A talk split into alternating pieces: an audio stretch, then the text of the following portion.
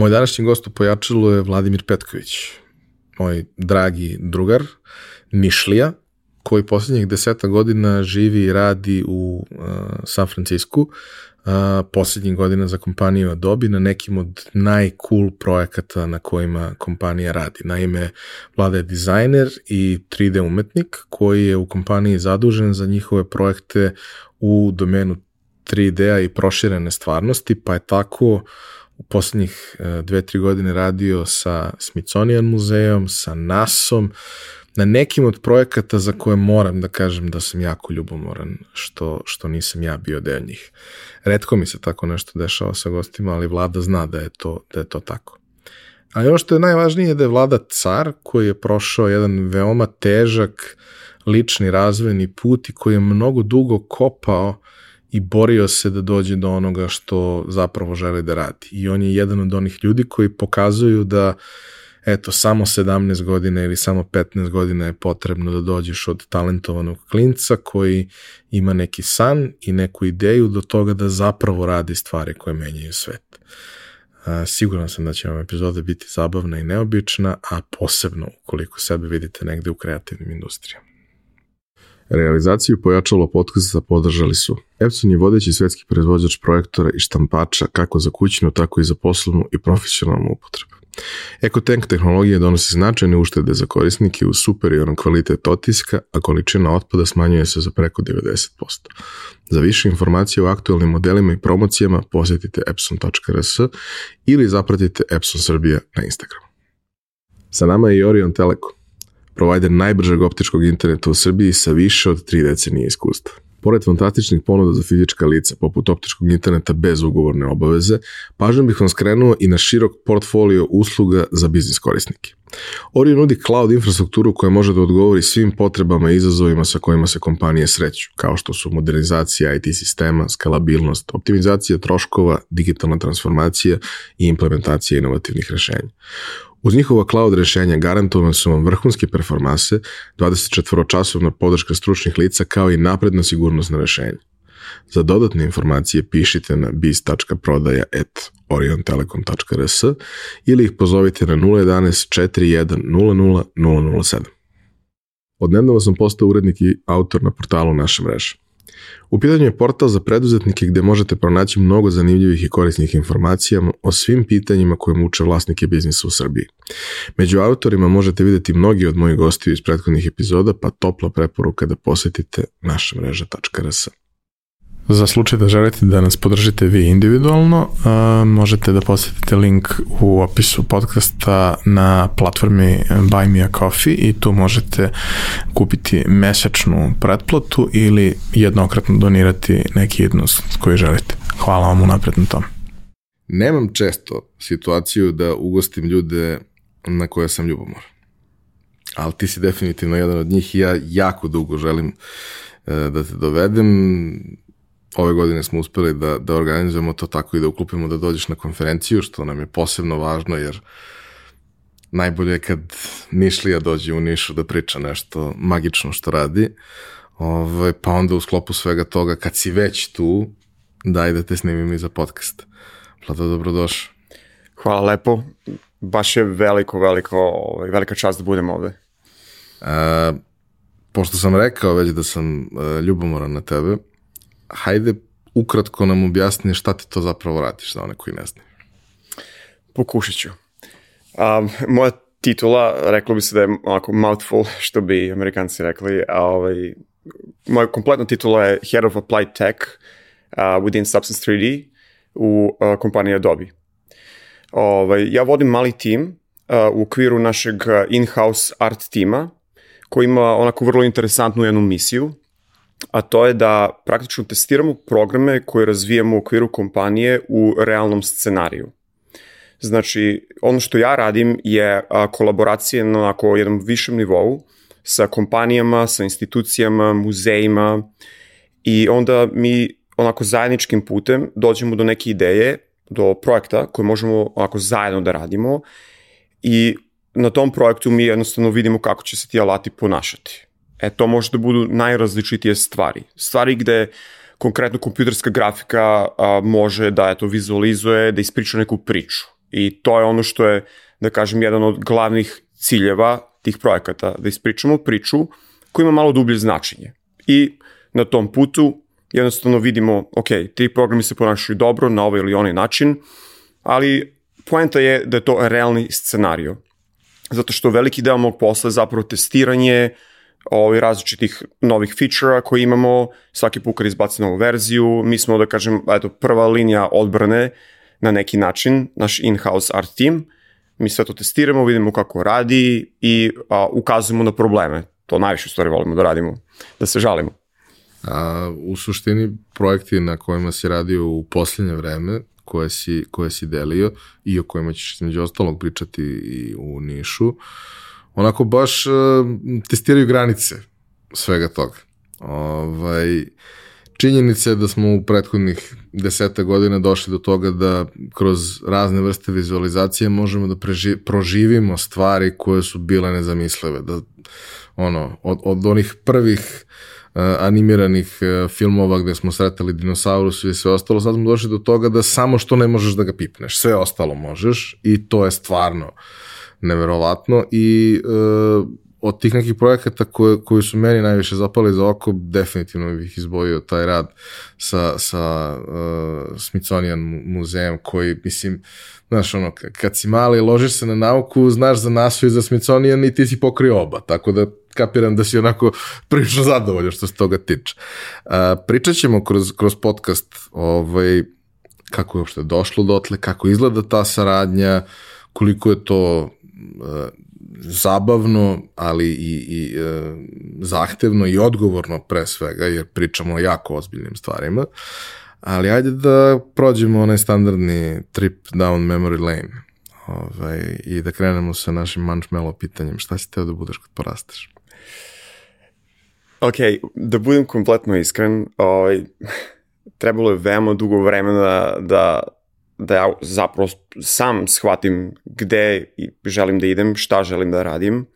Ja sam, pre svega, ja sam odrastao u porodici ovaj, profesora i vrlo sam ponosan na njih i međutim to je onako, da kažem, postavilo neke vrlo visoke standarde za mene, što je bilo malo zastrašujuće.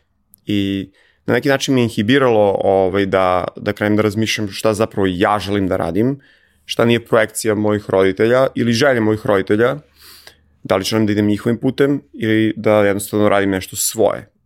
I mislim da ovaj, na kraju svega je bila neka kombinacija ta dva.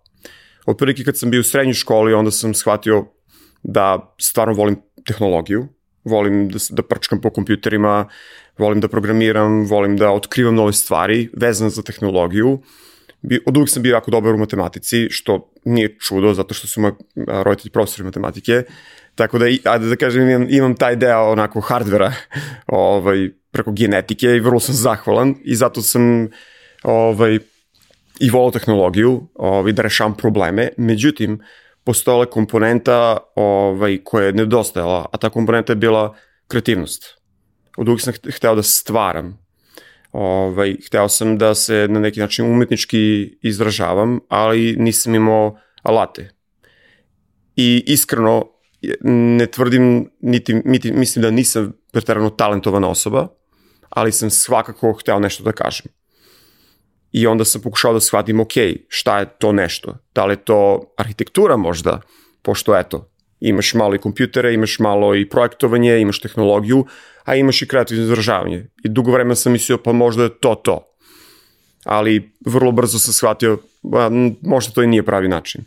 I onda kroz taj neki put sam krenuo da studiram elektronski fakultet u Nišu, pa rekao, usput ću da shvatim. to se nije desilo, pravo da ti kažem. ovaj, ali taj fakultet mi ipak dao neku širinu, da, da ovaj, eto, kroz ovaj, neki prijatelje koji su počeli da se bave programiranjem, je vrlo ozbiljnim ovaj, on developmentom, da ja shvatim, ja mogu zapravo sa njima da radim i da budem onako na, na znaš, na, na onoj krajnjoj strani, user interface strani i krenuo sam da dizajniram web sajtove.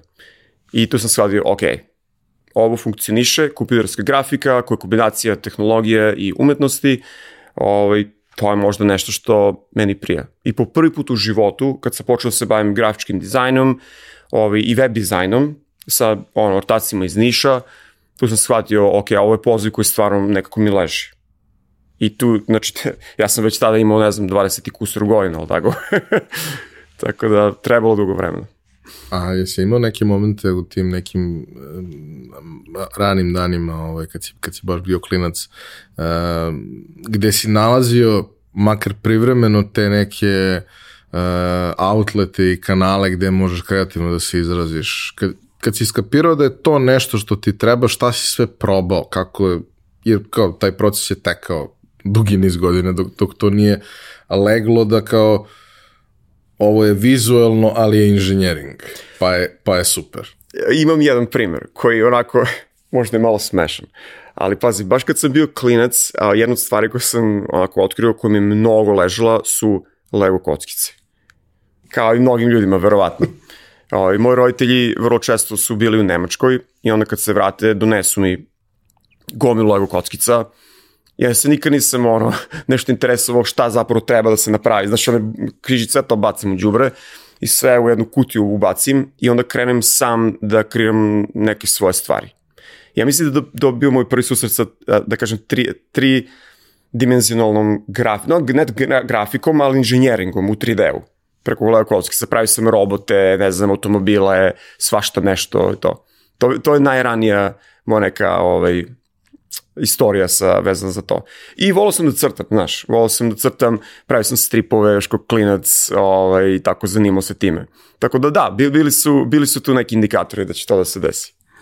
Uh, za mnoge ono, Lego bio prvi iskorak u trodimenzionalni svet gde ti nešto možeš da sagradiš. Ajde sad ono što sve što su napravili, pa imaš i motore, pa imaš i ono unit koji možeš da programiraš, pa može svašta da se desi. Mi to ništa nismo imali. Ma ništa. Ali smo mogli da napravimo nešto trodimenzionalno, jer kao sve ovo što crtaš, super je i ti pokušavaš da oponašaš da je to trodimenzionalno, ali i dalje parče papira. Možda praviš neke stvari od tog papira, ali nije, nije to to.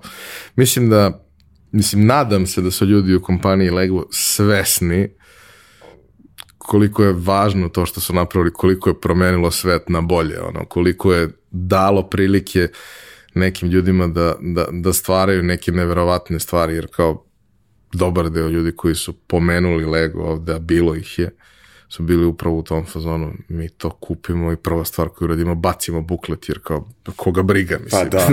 Meni treba još građe, da bih ja napravio ono što sam ja smislio. To, to ti to. Uh, studirao si na uh, elektronskom fakultetu u Nišu, odnosno elektronskom, jel? Ovaj, koji je stvarno jedno, jedno, jedno kultno mesto imali smo dosta ljudi pa jest. ovde koji su ili studirali ili završili ili nekako se prošunjali kroz i pored. I uh, fakultet važi za težak. Kao i svaki ozbiljan inženjerski fakultet kod nas, težak, zahtevan, ima dosta nekih predmeta koje je vrlo teško položiti i uh, ono što dosta ljudi je iskomentarisalo da nema baš previše toga što je upotrebljivo nakon što završiš fakultet, odnosno nema baš tih nekih hands-on znanja. E sad, isto tako, većina njih je rekla da se ni malo ne kaje što je prošlo kroz elektronski, jer su naučili sjajne stvari i upoznali fantastične ljude.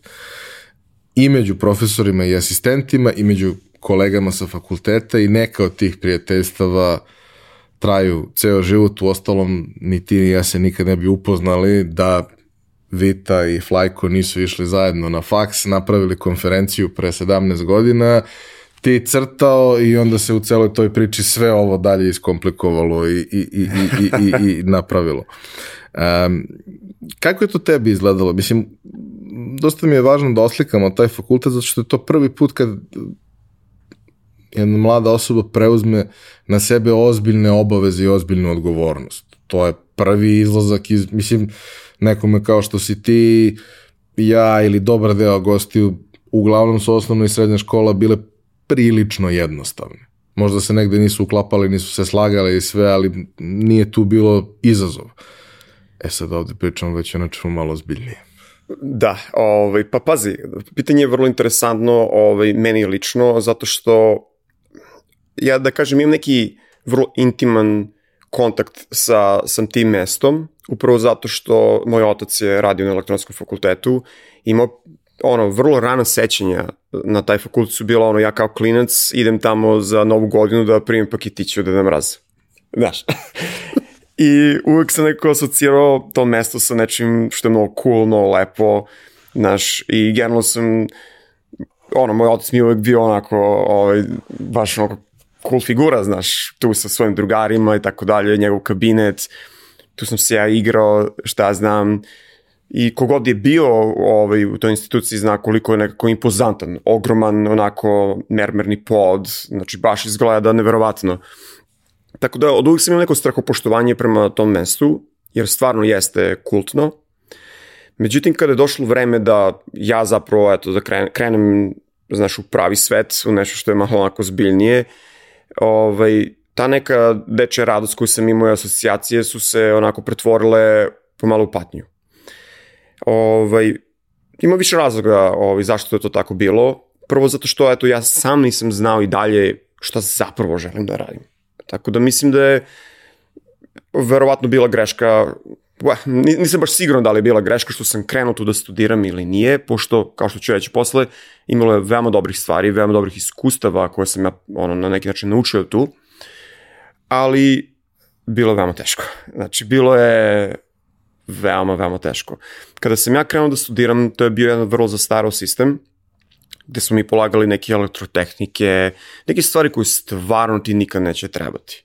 E sad, u paraleli bilo je i stvari koje su meni dali osnovu za, ovaj, za, za dalje razvijenje ovaj, intelektualno, kao što su, na primjer, matematike, koje sam, eto, sve položio, morao sam, zbog roditelja, ali sam ih i volao, stvarno, znači ja sam to volao. Ovaj, tako da je bilo nekih stvari koje jednostavno se nikad ne menjaju, što su ono, fundamentalna istina. Znači, te stvari nikad neću da žalim, znači što sam učio, što sam se trudio, što sam položio, jer mislim da mi je dalo jednu širinu ovaj, koju ću kasnije iskoristiti i tekako. Širinu u razmišljanju, u rešavanju problema, znači koju nikad ne bi mogu da steknem, na primjer da sam otišao na, ne znam, na, u neku ono, likovnu akademiju, na primjer. Tako da to je onako love and hate ovaj, na, ovaj, u mom slučaju. Ali pazi, deset puta sam polagao elektrotehniku. Deset puta sam je polagao. Godinu dana sam polagao jedan predmet. Jednostavno moj mozak nije hteo, nije mogao da jednostavno upije ono znanje. Što sam znao, ovo mi nikad neće trebati i ja ne mogu. A toliko je teško, toliko je, mislim, sofisticirano kompleksno znanje da ti stvarno možda se uneseš. Obimno. To su knjige od hiljadu strana sitnog teksta i ne znam kakvih pojmova, razumeš. Tako da sam ja, to mi je možda bio prvi put sa, da sam se susreo sa depresijom zapravo i sa ono, stvarno nekom patnjom mentalnom da ti ono, moraš nešto da preguraš, ali ne možeš. I ovaj, tako da eto, to je neko moje iskustvo. S druge strane, onda ti tvoji kolegi se toliko ispovežete u toj patnji zajedničkoj, ovaj, da je to mnogo dobra stvar, ono, LAN party, razumiješ, malo učimo za ono, elektroniku 2 ili tako nešto, malo cepamo Doom, igramo se, znaš, da, da, ono, da pokrijemo muku, znaš, i tako. I to ti nekako napravi još čvršće prijateljstva sa ortacima i kasnije smo i zapravo počeli da radimo poslove zajedno. Ovaj, tu smo nekako po prvi put počeli eto, da, znaš, da, da budemo pravi ljudi, ozbiljni ljudi. Iako ja recimo nikad nisam završio taj fakultet. Znam ih ja nekoliko koji nisu. Da. Ovaj, a koji su svi vanredno dobre ljudi i na kraju dana fantastično stručni i uspešni onome što rad. Ovaj, isto tako znam i ljude koji su završili, koji su uopšte ne bave tim. Nego im je nekako išlo dobro da to završe i sad nema veze. E sad što se posla tiče, uh, kako si ušao u tu celu priču? Šta ti je bio prvi posao i prvi poslići kako je to napredovalo kad dalje? Radiš za džabe. Radiš ono, samo da napraviš neki portfolio. Samo cepaš, cepaš, cepaš. Ej, mom kumu treba logo za, ne znam, plivački klub. Može nešto da nacrtaš u Photoshop. ok, ću nacrtam. Tako krenulo, znaš. A, o, ovaj, I onda delješ, delješ, delješ, radiš. Radiš i ne pitaš za pare, jer pare nisu važne, važno je da ispečeš neko znanje i neko iskustvo i da se malo probiš da ljudi, ono, krenu da, da te asociraju sa, sa tim poslom, znaš. I onda je posle, ne znam, možda godinu dana bilo, ej, Petko će ti napravi logo, Petko će ti napravi, ne znam, biznis kartu, znaš. ovaj, I onda vremenom, znaš, ti učiš i sve to kreće bolje i bolje da bude i onda više ne radiš za strine i teče, nego krećeš da radiš za zapravo, ono, klijente, znaš. Ej, od mog čaleta prijatelj, na primjer, treba da mu se napravi ozbiljan website, znaš, i to mora da bude nalik na, na daju ti primere, šta ja znam, i onda sad ti istražuješ, krećeš da radiš, imaš prijatelje koji će to da isprogramiraju, ovaj, tako da, ono, radimo u paraleli nekoj, E, onda kreneš da razmišljaš malo i o parama, znaš, pa dobro, pa koliko da naplatim, šta da naplatim, znaš. Pa onda da, da li možeš da naplatiš, pošto niko neće da ceni baš to što si uradio, jer u to vreme, znaš, kompjuterska grafika, grafički dizajn, da napraviš logotip, to uopšte nije bilo cenjeno, to uopšte nije bila struka koju ono, su ljudi shvatili za ozbiljno. Jer to su ipak i dalje bili neki rani početci interneta, Znači, pazi, to je bilo pre, ono, pre YouTube-a, na primjer, tek je Gmail krenuo i Google je bio mlad, ovaj, sam po sebi. I tek tad su oni krševi od web sajtova počeli da liče na nešto. Tako da to su bili neki moji prvi poslovi i tako smo počeli da se razvijemo, znaš. Prvo lokalno, Niš, pa onda malo Srbija, razvijamo se, dok u nekom trenutku nismo krenuli da imamo internacionalne klijente. E, do tog momenta je potrajalo. Ja se sećam jednog od prvih poslova za, za web dizajn, to je recimo, ne znam, 2002. godina, možda ili treća. Ima 20 godina celih, sigurno sad koja tačno godina, ne znam, gde čovjek mene pozove na razgovor. Ja dođem i mi, mi tu ispričamo sve. I na kraju njegov zaključak, ali ne, ne, ne postoji poveznica zašto je on izveo taj zaključak, ne postoji uzrok ma u stvari meni sajt ne treba, šta će meni reklamu u Americi?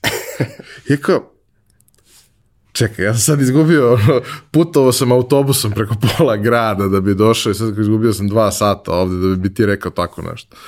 Ali da, to se, to se redovno ovaj, dešavalo. E sad, uh, u današnje vreme su stvari dosta drugačije i dostupnije. Jedna od bitnih stvari zapravo je i kako si ti učio sve to ok, kroz praksu, najbolje si učio kroz praksu, feedback i sve ostalo, ali prosto ono, te stvari nisu bile dostupne. Nisi mogao da gledaš tutoriale po ceo dan i da za dve nedelje upiješ znanje za koje ti treba u to vreme godinu dana. Knjige su postojale, u njima si mogao da naučiš kako radi neki alat, ali ne šta ćeš ti da radiš sa njim. Pa prosto taj, taj proces učenja iz tog nekog perioda, ovaj, što se kaže, pre interneta i na početku interneta. Pa to je bio divlji zapad, znači. Ovo, ovaj, kao što se to, zamisli svet bez YouTube-a, mislim, prilično je onako teško da se uopšte zamisli, pa da se, naravno. Ovaj, kako, forumi? Uglavnom forumi, ovaj, između ostalog tvoj forum, ovaj, znači koliko sam ja visio ovaj, na bureku, pa to je strašno, ovaj, i onda e, imam taj, taj problem, pitaš, nadaš se, možda neko zna, možda će neko da odgovori. I ono, tu visiš satima, satima ovaj, na, na različitim uh, forumima, pitaš pitanja, ovaj, pa onda pokušaš, znaš, pa ti neko, ono, možda pošalje neki, ono, file, Photoshop dokument, evo ti, znaš, na crtu sam ti dugme, el možda provališ kako sam ga uradio sa ovim i ovim efektima, pa ti uzmeš taj file, pa otvoriš, pa gledaš, pa onda pokušaš ono reverse engineering da radiš. Um, to je bilo uglavnom to. Ovaj, knjige, man, ništa. Ovaj, to, to, sve što je bilo izašlo što si mogu da kupiš je već bilo zastarelo. U trenutku kad ju knjiži to je zastarelo. Tako da uglavnom pitaš prijatelje, pitaš drugare, ako oni ne znaju, ono, tvoja, tvoj mali bubble, ako oni ne znaju, onda pitaš na forumu. Na design zoni, na primjer, sam provodio baš dosta vremena i tu učiš od ljudi, znaš, vidiš kako neko nešto uradio i sve zona si, wow, ovo izgleda fenomenalno, kao, nije frka da mi kažeš kako si došao do tog rezultata, znaš. I stvarno ta zajednica bila mnogo lepa, mnogo dobra. Ovaj, mislim, nije bilo bez problema, ima tu i puno ega i puno svačeg nečeg, znaš, ono, ljudi se svađaju i ovako i onako, ili jednostavno neće da dele znanje, ali uglavnom, moje neko sećanje, pazi, to se dešavalo pre 20 godina, moje neko sećanje je bilo mnogo, mnogo fino, mnogo lepo. Ovaj, ljudi su stvarno bili uzbuđeni, sve to po prvi put se dešavalo, ovaj, po prvi put smo provaljivali, znaš, tako neke stvari, svi smo se ložili na Apple, na primer, tada i sada, znaš, ovaj, kao, kako su radili ovaj, znaš, ovo dugme sa, sa ovom refleksijom, znaš, ovo, ono, znaš, pa onda prčkamo. Dobro, tad je i dizajn bio ono, sve to uh, pravljeno da oponaša nekakav realni svet i da bude još lepše nego što može da bude u realnom da. svetu. Da. Ovaj, dok je sad sve flat i minimal i onda ti je to nekako i dosadno, ako će bo iskreno, ali dobro. To ima, ima dobrih stvari zašto se ovo desilo, ali i dalje kad vidimo one neke stare, one prve iPhone screenove, meni se malo suzica mi malo I krene. meni isto da ti pravo kažem. ovaj, ali taj moment gde ti zapravo upoznaješ te ljude recimo na, na design zoni i sad imaju razne ona takmičenja tu interna i ljudi pokazuju radove i sve. I ti vidiš nešto. I prvo čovjek će ti reći. U većini slučajeva će ti reći kako je to uradio, A drugo je ako neće ti kad vidiš ti možeš da dobrim delom to provališ unazad, zato što uglavnom ništa od toga nije užasno komplikovano. Samo je super ideja koja nikom drugom ne bi pala na pamet. Ali ti kad vidiš kako to izgleda na kraju i znaš procese, ti u principu možeš da dođeš do toga kako je to izvedeno i da ga negde nekad, ko zna kad, primeniš. A je li bilo nečeg i formalnog u tom ono učenju svega toga, nekih uzora koji su bili više od trial and error nego neko usmerenje koje ti je stvarno bilo tu korisno. Pa pokušavam da se setim, ali šta znam, znači ceo taj neki deo mog života i mog napretka je bio prilično onako, ne znam, mutan da kažem, znaš, o, tako da ne mogu da kažem da sam imao jednog uzora ili ne, ne, nešto što sam, čemu sam stremio. Uglavnom je to bilo onako, hvataš naš komponente levo-desno, pa pokušavaš da ih uklopiš u nešto. Ali jedna stvar koju si rekao je stvarno vrlo tačna, a to je da je ideja sve. To je bilo i ostalo tačno. Znači, tehnika provalit ćeš ti, ono, na neki način, ali kad ideja dobra, jednostavno ovo, nije bitno kako dođeš do, do, do tog rezultata. Dokle god rezultat ima nešto da ispriča, neku priču, znaš. Ovo, na primjer, jedna od, evo, setim se sada, jedna od mojih velikih inspiracija u to neko vreme, to je bila 2005-2006. godina, je a, svet Tima Bartona, na primjer. I taj njegov magični svet koji je nekako malo mračan, malo onako, nemam pojma, kao pomalo horor, ali ipak nekako i vedra sa druge strane. Taj neki sentiment je meni bio mnogo gotivan. Baš mi se mnogo dopo. I onda sam, recimo, Nightmare Before, Before Christmas. I onda sam ja pokušao, recimo, da, da tu neku ideju koju je on predstavljao kroz svoje filmove, uh, da tu ideju pretopim, pretočim u, ovaj, u umeničke radove. I onda, eto, na primjer, napravio sam ceo taj serijal koji se zvao Barton's World. I, recimo, on mi je bio jedan od velikih, onako, inspiracija. Ovaj, koji je bio onako siluetni svet. Ovaj, gde sam ja kroz neke paraleksne lejere u Photoshopu pokušavao da, da, da dočaram tu atmosferu, neke onako kreativne scene i znam da su ljudi, ono, baš im je to bilo mnogo gotivno ovaj, u tom trenutku na design zoni i pitali su me, ej, kako, kako, si, kako praviš ove tvoje radove, znaš, jer to sam štancovao. I zapravo stvarno je postao neki način da se to radi vrlo jednostavno i napravio sam mali tutorial. I onda su drugi ljudi krenuli svoje radove da prave u tom fazonu i to je bilo toliko cool, znači baš, baš super. Uh, jedna od ono najlepših stvari koju sam provalio pre desete godine i proveo mnogo vremena, jeli, posle gledajući i istražujući, jer je bilo dosta snimaka i dokumentaraca. Ono, mi smo odrasli na tradicionalnim crtanim filmovima koje je neko crtao rukom. Svaki frame je neko crtao rukom. Ja sam provaljivo neke stvari tu kada gledam, ali nisam znao tehniku kako je to rađeno. Meni je kad sam bio baš mali objasnio Ćale kako se radi dobar deo toga i ja sam u svakoj svesci u, u školi u Ćošku imao mali crtani film. 60 strana, da, da, da, možeš da odskroluješ da, i da. odnosno da izvrtiš i tu se nešto se desi sad čoveč uljak jebi ga trči šutira na koš zakucava šta god Ovaj, znao sam to, znao sam par nekih drugih stilova koji, koji se tu koriste, ali naravno nisam znao šta ozbiljni ljudi rade po tom pitanju. Ali sam prepoznao neke stvari, nije mi bilo jasno kako neko mogu ovako precizno da nacrta svaki put da ga oslika, da bude svaki put ista boja. I onda skapiraš da, naravno, postoji fizički paralaks. Znači gde on uzme i na različitim staklima nešto stavi, stakla se pomeraju jedno odnosno na drugo i ti gledaš i kažeš jebote, ovako su oni napravili da se karakter kreće kroz ovo Da. i da nema grešku na tome da je pozadina sad ovde ono 0,5% tamnije, jer ja ću da vidim tu grešku.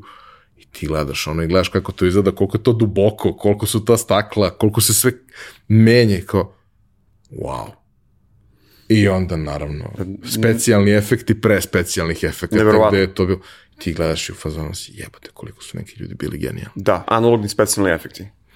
Znaš kao, jedan od razloga zašto sam se ja navukao u nekom trenutku da gledam Mythbusters je zašto su njih dvojica radili analogni specijalni Da, efekti baš pre, tako. pre svega drugog. Kao, ja, mene zanima šta ova dva ludaka rade. A i ovaj jedan je ćelav, ima brkove, pa me podsjeća malo na mene i, i, i, i nervozno. E sad, e, baš je lep uvod u, u, u- postavku, jer otprilike u neko slično vreme kad ćemo da radimo malo i sa internacionalnim klijentima, ti, tebe je to dovelo na jedno super mesto, mene je dovelo da vodim podcast.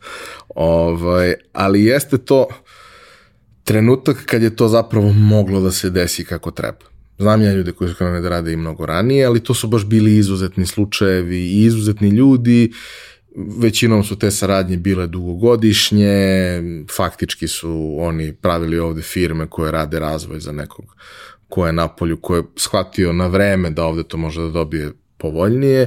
I uglavnom je to posljedica bila nekih kontakata koji su iz fizičkog sveta, pa su se preneli na, na, na digitalni. Međutim, u ovo naše vreme, tamo ovaj, 2006. 7. 8. 9. počinje stvarno da se dešava to da možeš da radiš godinama sa nekim koga nikad nisi video. Pa posle si ga video na nekom Zoomu, ali znaš, nisi, niste se pipnuli nikad. Um, kako se u tom slučaju desio taj, taj ono, i sa, sa jedne strane leap of faith, a sa druge strane i ta mogućnost da radiš na nečemu što, što nije u tvom fizički, u geografiji tvoje. Pa bilo je nekako vrlo ovaj, neočekivano, ali da kažem, a, ta tranzicija je bila vrlo nekako prirodna, neočekivana, samo se samo desila, rekao bih. Mislim, nije baš tako. Desila se iz razloga što da bi ti došao do tih internacionalnih klijenata moraš ipak da razviješ nekakvu reputaciju. A reputacija je da, ovaj, da si jednostavno čovjek od reči, da si čovjek koji će uvijek da završi posao i koji će da odradi tačno to što treba da odradi. Znaš, što nije uvijek slučaj, naravno. Ove, imaš mnogo ljudi koji su jednostavno neodgovorni, koji preuzmu možda previše posla, pa onda svaki tih poslova trpi i onda kad, kad razviš tu neku reputaciju da ćeš ono da odradiš to što treba da se odradi, to je bilo ključno. Ti reputaciju možeš samo jednom da izgradiš i da izgubiš. Rekao bih, well, to, to je bilo onako slučaj tada, u to vreme. Sada možda i nije baš tako. I onda ja sam sa tih nekih srpskih klijenata polako preko prijatelje koji su programeri, koji su imali, znači, bukvalno kontakte, oni su me pozvali, ovaj, na primjer Milan Stamenković ovaj, iz Niša, počeli smo polako da radimo ovaj, poslove za klijente iz Amerike. Ovaj, jedan od prvih ovaj, tih ovaj, poslova je bio za kompaniju koja se zove Click Sports. Ovaj, oni su razvijali kao neku tamo aplikaciju za, ovaj, za sportsko klađenje ovaj, još u to neko vreme. I to je bilo vrlo zastrašujuće. Znači, meni po prvi put moramo, ono, cela korespondencija na engleskom, ovaj, mislim, znao sam ja engleski sve to, ali na tom nivou ta profesionalna komunikacija ovaj, je bilo onako baš, baš, znaš, nešto novo za mene, ajde da kažem.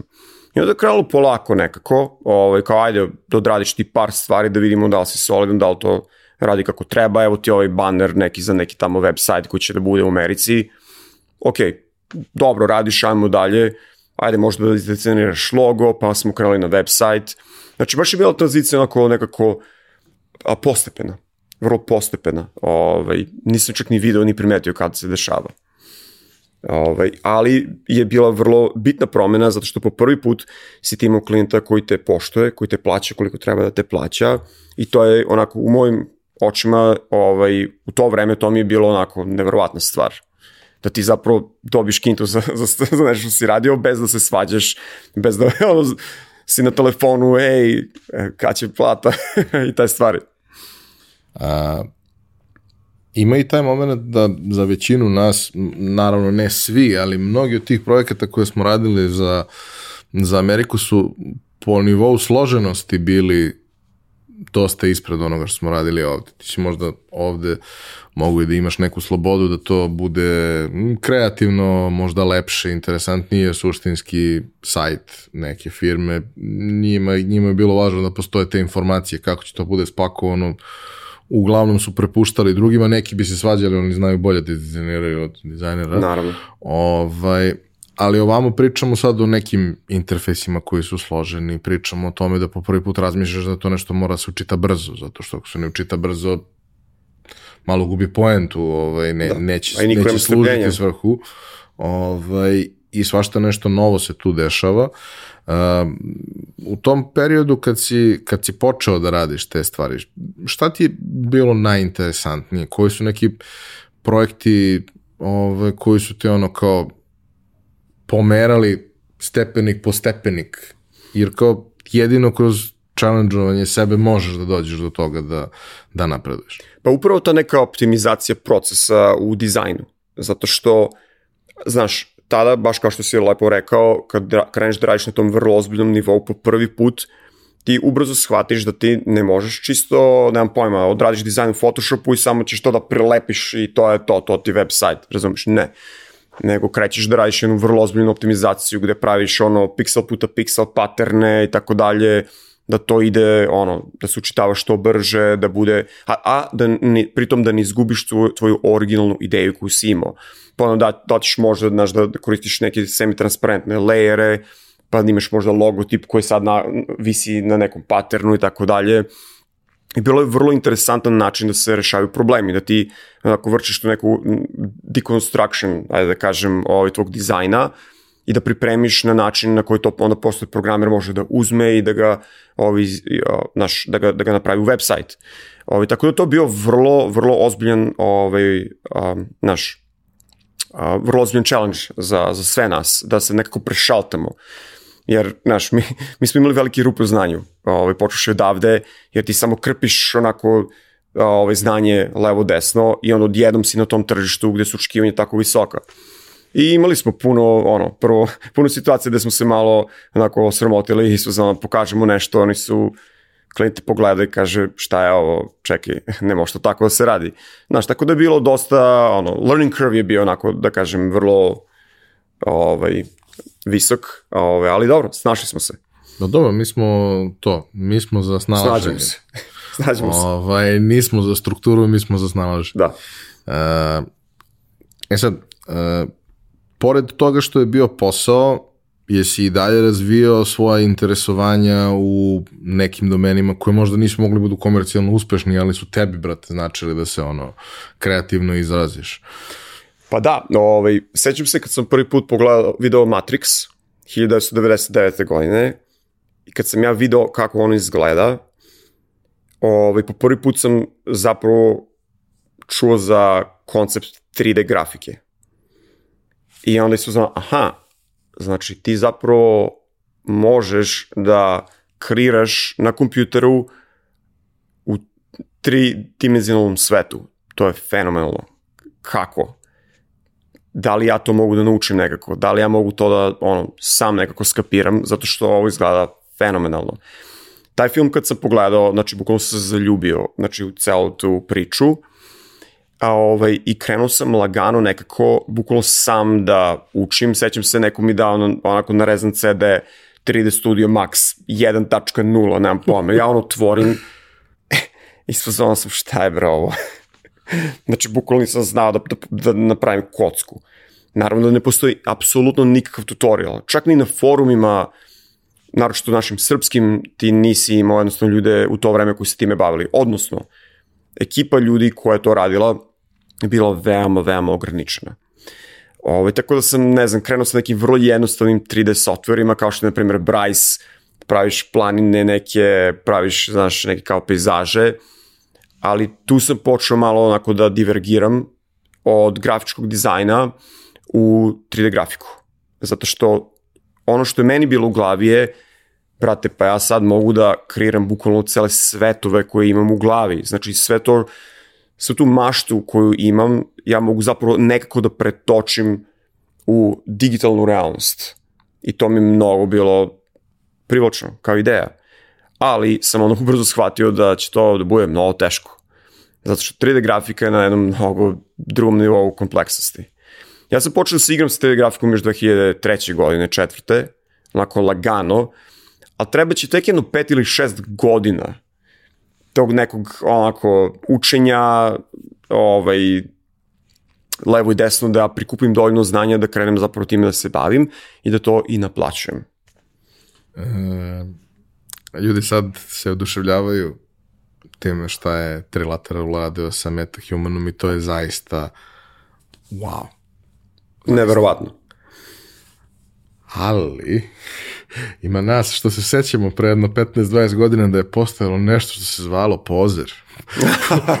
u kome si ti je. mogao da napraviš čoveka neuporedivo jednostavnije nego u bilo kom drugom 3D alatu i da uz mnogo truda on izgleda prilično realistično. Naravno da ne pričamo o istim redovima veličina u odnosu na ovo, ali hoću da kažem da je za mnoge ljude ta vrsta shortcuta što se pojavio alat koji ti je omogućavao tako nešto, gde ti kao na osnovu parametra praviš ljudsko, ljudsko biće, a ne na osnovu toga što si stavio kocku i sad od kocke praviš nešto što, što je ovaj ljudsko lice. Uh, to je recimo bilo super interesantno. Kao i gomila onih nekih, to je recimo meni bio jedan od prvih kontakata sa tim, kao onih raznih uh, alata koji su ti omogućavali da uh, napraviš uh, trodimenzionalni walkthrough kroz stan, kroz da. kuću, kroz slično nešto. Naravno da koristiš gotove elemente. Naravno da to nije 100% verno. Ali ti sa tim zapravo to možeš da napraviš. Jer neće bude idealno, ti si napravio nešto. Kad si napravio nešto, ti ćeš možda hteti da napraviš to bolje. A ako ne možeš da napraviš ništa, nećeš doći do toga da uopšte Tako je. Kreneš u, u nekom drugom smeru. Onda kao, koliko su ti neki tulovi koji danas, verovatno, ne znam, 3D Home Architect, ne znam da li postoji više i kao software i kao firma i kao bilo što drugo, ni za pozer, ne znam, ne pamtim da sam sreo negde a mnogo bilo genijalno. Ali bili su dobri alati. Koliko je to... Pazi, prve verzije su bile smešne. Ali četvrta, peta već i mogao da napraviš da, da, da to da. prilično dobro izgleda, da ta za kosa vreme, liči na kosu, znaš kao. Da, za to vreme to su bili genijalni alati. Jer da se vratimo ranije na, na, na ono što si ranije rekao, ideja. Ti imaš ideju, e sad kako doći, kako da je realizuješ. Onda grabiš sve te alate, I onda pokušavaš, ok, treba mi, ne znam, 3D čovek, ok, koristit ću pozor, treba mi, nemam pojma, interijer, iskoristit ću možda ArchiCAD da ga podignem, znaš, 3D, treba mi da izrenderujem, da bacim neko ono, osvetljenje, dobro, uvezem sve tu 3D Studio Max i snalaziš se. I iskreno da ti kažem, nije se ni mnogo promenilo do dana današnjeg, samo su mnogo sofisticirani alati. Ne, slažem se, mislim da je to ono baš, baš jako važno u, u, celoj priči da da se s vremena na vreme pojavi nešto ti malo spusti tu ulaznu barijeru. Da. Jer kao, znaš, ono, ljudi se kao pošto, ali što ne radite u Blenderu? Blender je free, ima sve. Prate, kad ga upalim, ne znam šta da radim s njim. znači, gledao sam ljude koji rade sjajne stvari, super, samo ja kad ga upalim, ja ne znam šta da radim s njim. To što si rekao sada je jedna od vrlo, vrlo bitnih tematika, jedna od najvažnijih tematika o kojima se priča. Kako da svet kompjuterske grafike ne samo 3D grafike, generalno sve, svaki vrste grafike koju ti možeš da radiš na, na kompjuteru, kako da je, da je na neki način svedeš na nivo gde bilo ko može da je koristi. Da ti otvoriš software i odmah ti je jasno, ok, razumem šta treba da se radi, razumem alate, razumem kako mogu doći do nekog rezultata na vrlo jednostavan način. To je toliko komplikovano, je ovaj, komplikovan problem da se reši da ono, ne mogu ni da objasnim ali svaka kompanija trenutno koja proizvodi bilo koji software za kompjutersku grafiku se trudi da reši taj problem. Da taj learning curve ne bude tako, znaš, tako visok, tako steep, nego da, znaš, da bude uživanje jednostavno da koristiš taj program. A, skoro sam baš pričao sa, sa drugarima koji će između ostalog raditi produkciju za, za konferenciju, vidjet ćeš kako će to da izgleda. Mislim, ti si vidio mnogo, mnogo toga i to sve izgleda spektakularno tamo ovaj, u, u belom svetu. Kod nas je to dosta skromnije, ali ovi ljudi kidaju. I ovaj, imam ja tu nekoliko drugara i sad uh, kad mi treba render, kako će da izgleda scena da bismo isplanirali sve, uradili dizajn printova i svega ostalog, imaju dva čoveka. Jedan je Sanjin koji to kad mu kažeš, to je render koji posle ti dođe da oštampaš i da uramiš na zid. Samo treba jedno 7 dana da ga pošalje. ovaj, ali on čovjek bolestan i voli to. A drugi je Deki koji sedne nacrta u sketchupu to za sat vremena i pošalje ti i kaže ovo ti je to. Pa sad nije baš idealno, ali je li ti sve savršeno jasno kad vidiš? Pa jeste, pa šta ti treba drugo? Ne treba ti ništa drugo. Ja kažem, pa stvarno mi ne treba Služi ništa svrsi. drugo i to Da. je to, brate, idemo dalje. To su neke stvari koje ono približavaju to, daju mu neku upotrebnu vrednost. Jer sve ostalo je igranje. Ali ti kad Tako imaš upotrebnu vrednost toga, ti ćeš onda i u tom sketchupu da izvučeš malo više. Jer možeš. Većinu stvari koje ti treba možeš da uradiš. Ali vidiš, tamo. definicija upotrebne vrednosti je takođe interesantna u, u ovom primjeru, na primjer. Ovaj, ako tebi treba nedelju dana, dve nedelje, mesec dana da napraviš nešto, koliko god dobro izgleda, to nije mnogo upotrebljivo. Jednostavno nije ono, skalabilno, ali tako? Ne, ne možeš da ga radiš, ako treba, šta ako ti treba recimo 20 dizajna, šta ako kažeš, ok, ovaj 100 treba da bude ovamo, ne tu, sad, znaš, taj neko treba da se vrati, pa još nedelju dana da radi na tome. Tako da uvijek je balans između kvaliteta i efikasnosti. I to je nešto što ja i dalje učim. Jedna od najvažnijih stvari koje sam u poslednjih par godina pokušavao onako da primenim u svom poslu. Da bude dovoljno dobro, onako, da možeš da uhvatiš dovoljno veliki broj ono shortcutova, a da to ipak izgleda onako dobro, znaš, i da zataškaš sve što ne valja. I da može da se vrti na nekom hardveru koji nije svemirski. E, tako je. Jer svako može da ga napravi, mislim ne može svako, ali mnogo je lakše napraviti ga tako da ne može da se prikaže nikad. Da, ako imaš render farmu, znaš. Znači, ja se sećam, sećam, to davno bilo, ima, ima isto preko 20 godina, uh, jedan moj pokojni prijatelj koji je, pored svega ostalog što je radio, radio je svašta, u nekom trenutku je radio i neki 3D reklame, odnosno segmente reklama koje su u 3D-u i bio je neki delfin koji pliva nešto i treba da uradi. Sedam dana se renderuje. Upa da, lagano. Sedam dana, nestane struje jednom za tih sedam dana, renderuje se ponovo sedam dana. I kao ti gledaš ono i kao, ili ne znam, ono, jedan frame je nešto nije, ima neki glitch i ti vidiš taj glitch kao šta ćemo sad da radimo, nećemo ga renderovati ponovo i seći ćemo taj jedan frame, ono, bit će 23 frame u toj sekundi, jedan će je se to. ponovi i neće niko da vidi. Pa valjda neće niko vidjeti. Pa mislim, neće. Ne, mi smo mazohisti. Znači, ljudi koji se bave 3D grafikom su mazohisti. to ono da kažem. A, kada si skapirao da ipak hoćeš da ideš u tom smeru i da bi to trebalo na neki način da bude taj izraz? Pa, ovako, ovaj, još dok sam bio na elektronskom fakultetu, ovaj, sam oformio jedan klub, studentski klub, koji se zvao 3D arheologija. I naša ideja je bila da pokušamo da onako rekreiramo neke ovaj, kulturološke spomenike u Nišu, kao što je Ćele Kula, na primer, ovaj, ili Čegar, u 3D-u. I da, eto, to, to je bio verovatno moj prvi projekat gde sam pokušao, znači, eto, neko svoje znanje i kompjutersku grafiku da povežem sa, sa nečim što ima ovako malo dublju vrednost, dub, dublji značaj. Da nije samo projekat koji treba da mi donese novac, već radiš ga samo zato što voliš. I kroz taj klub ovaj, smo takođe imali ovaj, kao i malu radionicu gde su ljudi mogli da dođu i da uče 3D grafiku. Učili smo 3D Studio Max, ja sam bio jedan predavača, posle sam imao i par kolega koji su mi pomagali i to je bilo mnogo lepo. Ovaj, eto, to je bilo prvi neki community koji sam ja imao, ovaj, koji je meni ovako dao ovaj, nadu da zapravo ovo može da bude moja karijera u budućnosti. I u isto vreme sam video da postoji uh, jedna veoma dobra škola u Beogradu, Kairon, ovaj, na čelu sa Peđom Bakićem, koja je radila na vrlo ozbiljnom nivou još u to vreme. I to onako mi je samo kliknulo iz fazona, ok, ovo je prvi put da sam video školu koja može da mi da taj, tih dodatnih 20-30% znanja koja nikako sam ne mogu ovaj, da steknem. Ili će ti trebati 100 godina, ali da 100 možeš godina. da ga dobiješ za godinu Da. dana. Jer ko što sam rekao, do tada sam već ono pet godina se nešto mučio, pokušavao levo i desno, došao do nekog znanja i tu sam stao i stagnirao i stagnirao. I onda Kairon škola je, je bio taj dodatni boost koji mi je trebao.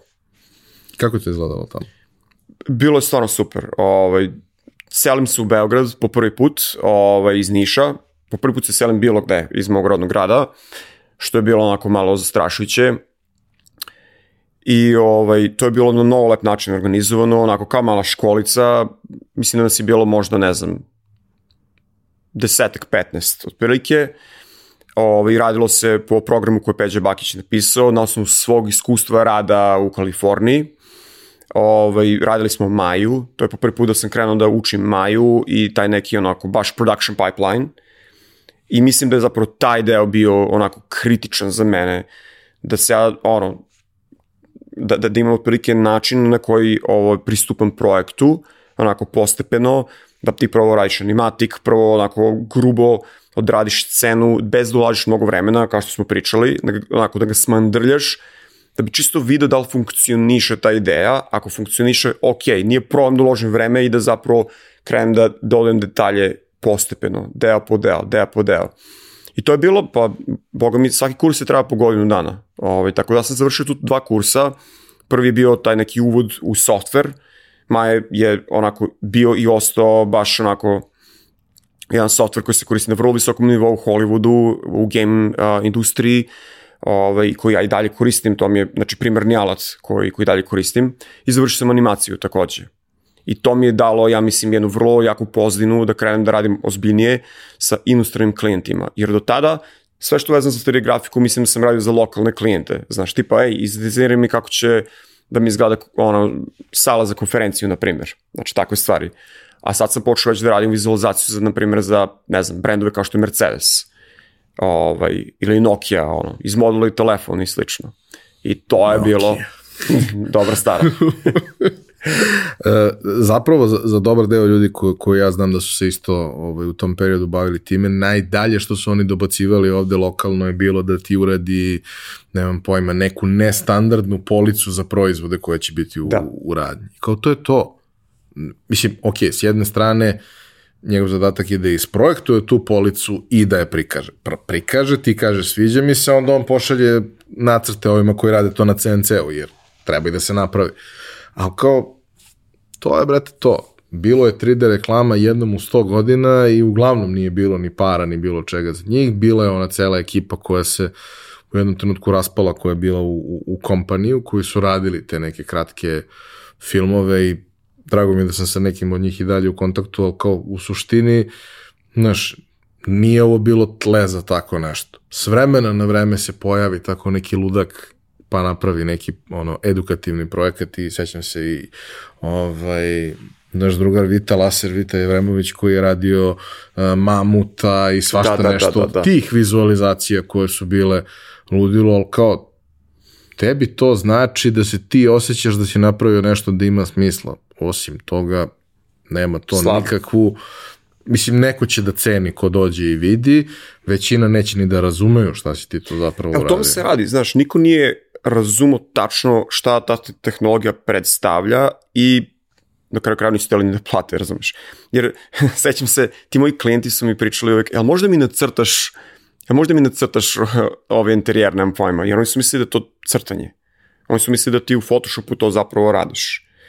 I onda ti teško njima možeš da objasniš zašto toliko vremena i treba i zašto moraš da naplatiš toliko para ovaj, kad za njih je to samo crtanje.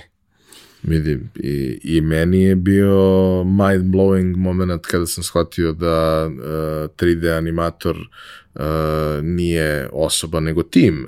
Ljudi koji rade različite stvari. Jedan pravi model, drugi radi rigging, Tako treći je. radi treću stvar, četvrti radi četvrtu stvar i ti se gledaš i kažeš, aha, a ne znam, moj drug uh, Dragan je to pokušao sve da uradi sam i bio je odličan, ali on nema svoje mesto u tom timu zato što ni u jednoj stvari nije fantastičan, a sve može da uradi. On najbolje njima da bude neki PM. E, Realno. vidiš, to je vrlo, vrlo interesantno, zato što mi, kao nacija, mi smo navikli da se snalazimo. I naviku si da malo prčkaš levo i desno i da znaš pomalo od svega.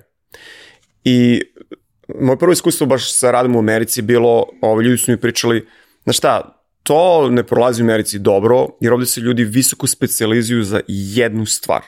Ako si u game industriji, to je ultra specializacija. Tipa, ti samo praviš, ne znam, ruke za karaktere. To ti je, to je tvoja karijera, razumeš?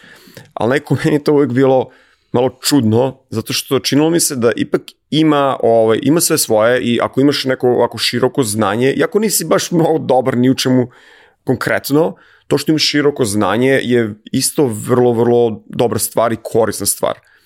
Upravo to što si spomenuo, ako hoćeš da napreduješ, zato što ako si, na primjer, neki menadžer, ako vodiš projekat, to tvoje razumevanje te čini jako dobrim da budeš na tom nekom, ovaj, na toj nekoj poziciji, jer znaš šta se dešava. Pa, da, ako možeš da dođeš u poziciju da, da ta tvoja šira slika ti znači tako što ćeš voditi ljude, apsolutno, nego je pitanje koliko možeš ovo što sebe dovedeš u poziciju da se Malo baviš time da ne moraš da bude da ti prvi posao ne bude da si, nemam pojma, ono, uh, riger koji to ne radi dovoljno dobro i dovoljno brzo. Jer kao teško je da će neko razumeti, videti, ali naravno ima slučajeva. E sad, uh, pomenuo si Doom, a mislim svi smo odrasli na Doomu, uh, bilo je tu nekoliko ono breakthrough-ova u, u 3D-u koje su se desile najčešće kroz igrice ili, ok, kroz filmove, svakako, mislim, kad je izašao Matrix, sve ostalo bilo besmisleno. Ja sam imao i taj moment pre sa Terminatorom, jer kao, znaš, ceo život želim da napravim to da se njemu zaglavi pištoj kad izlazi kroz rešetke. da, da, da. Ovaj, ali kao ti neki momenti sad u igrama, naravno kao seća se Wolfenstein 3D koji suštinski nije bio 3D, ali izgledao kao 2,5D pa onda Doom koji je bio to što je bio, pa onda Unreal koji je stvarno bio pravi 3D, samo što je izgledao vrlo skromno, je se vrteo na hardveru koji je bio ništa specijalno. I sad ima tu tih nekih ono momenta kako se stvari menjaju. Ima ceo taj jedan e, svet koji se dešava u 2D-u, ali pokušava da laže da je 3D. To, to je posebno je. genijalno bilo. On, naročito onim starim konzolama, one razne neke vožnje i slično. Ali trenutak kad sam ja shvatio da je sve otišlo do djavola i da će vrlo brzo stvari biti takve da nemaš da provališ šta je 3D, a šta je, šta je realno, je bio kad je zašao Far Cry. Da, bravo. Prvi put yes. sam video vodu koja je bila kao, jebote, ovo je voda. Mislim, ovo je stvarno voda, znaš, staviš karaktera, pustiš na cijel ekran, šetaš se po onom, po moru je. Kao šta, šta radi ovaj debil? Brate, gleda vodu je. kao, znaš, i kao, okej. Okay. Onda naravno Final Fantasy i sve što je uz to da, išlo. Ali Far Cry je podigo standard na jedan neverovatan nivo. I pritom, ono što je tu bilo magično, ja nikad nisam bio gamer i nikad nisam radio ozbiljan 3D, ja nisam imao hardware kući za to, nisam imao grafiku koja je to, to izgledalo dobro na mojoj grafici u principu šta treba reći? Treba reći da je, znači, takvo dostignuće zapravo je onako ovaj, rezultat jednog neverovatnog kodinga koji je urađen na toliko dobrom nivou da, ovaj, da ti jednostavno ne vidiš šta se dešava onako, da kažem, ispod haube, a to radi. To jednostavno radi. To je jedna neverovatna optimizacija I ono, jako jednostavno, nisam programer, mislim ja razumem kod i ponekad malo prčkam neke pluginove i sve to, ali to je otprilike to. Samo mogu da se divim mojim kolegama kako oni uspiju to da naprave da to tako funkcioniše. I imam razumevanje kako radi, ali to je, to, oni su genijalci, znači stvarno. Bilo je, znaš, bilo je tih nekih momenta, ne znam, kad se pojavio Unreal 2003 koji isto izgledao prelepo. Ali svi oni nose neke nemam pojma, kacige, e, nekakve oklope, koji su, kad ih pogledaš, to su jednostavni objekti, to su zaobljeni objekti, tu nema, ono, ok, shading je relativno basic, prostorija je takva da rešava što da bude atraktivno time što će nešto da svetli, ali svi ti objekti su u osnovi jako jednostavni. To izgleda brutalno, ali sve je to jako jednostavno u osnovi. Pa i ove neki razni ono, Need for Speedovi koji su izgledali dobro, najkompleksniji model ti je taj auto. Tako koji je. nije nešto preterano kompleksan, da se razumem. Ali Far Cry, Far Cry je... Kada imaš ceo svet, ceo svet. Sve radi, kao, znaš, ono, drvo nije ono neka metla koja stoji tu, ne, brate, drvo stvarno izgleda kao drvo. Da, nije sprite, onako samo 2D layeri, znaš, stavljeni. Kako je tvoja priča sa, sa 3D-om išla dalje nakon, nakon Kairana? Pa znači krećem, ja krećem da ovaj, onako malo zbiljno ulazim u sve te ovaj, vode i krećem da, da, da, se, da krećem da ovaj, pravim ozbiljni portfolio. Zato što sam ja u paraleli, dok sam radio ove poslove za klijente, zapravo sam krenuo da radim ovaj, na svojim nekim radovima i da, da svoje ideje pretačem u stvarnost. Ja sam i tada, a i sada onako toliko volo ovaj, tu tehnologiju i taj način izražavanja da mi nikad nije bilo teško da jednostavno provedem dane i noći pokušavajući da eto te neke svoje ludačke ideje pokušam da, znaš, da, da, da napravim u rad koji ću da pokažem, da pokažem ljudima, znaš. Tako da mislim da je mi najviše značilo što sam ovaj što sam napravio vrlo bogat ovaj portfolio radova, imam stavi website koji sam mogu da pokazujem klijentima. I sad, jako to nije bilo konkretno, nisam targetirao nikad neku industriju, ovaj, tipa, e, znaš, ovo je za automotive industry, evo ti renderi kola, ili ne znam, ovo je za arhitekturu, evo ti enter, ono, renderi nekih uh, interijera. Ali kad ja njemu pokažem rad koji sam, na kome sam provao, ne znam, mesece rada, vrlo je jasno da ja znam jednostavno da odradim šta god treba da se odradi za to što njima treba. Tako da mi je mnogo značilo što sam eto probao toliko vremena, znaš, radići na sebi, na svojom nekom skillu i na svojim idejama. I sad, uh, ono što je bilo, da kažem, prekretica je moj prvi odlazak u Ameriku u 2008. godine. Jer do tada meni je cela ta zemlja bila prilično abstraktna, ovaj, svi znamo stereotipe, um, znaš, Amerika ovo, Amerika ono, i onda sam te, mnogi te stereotipe, stereotipe ovaj, onako, ili potvrdio ili sam ih razbio u svojoj glavi. Znaš, pre svega to što nije jedna zemlja, to je kontinent sa narazličitim ljudima i to su ljudi celog sveta. Znaš, to je stecište ljudi celog sveta, to je mali, mali svet u, u znaš, ovaj, na kontinentu.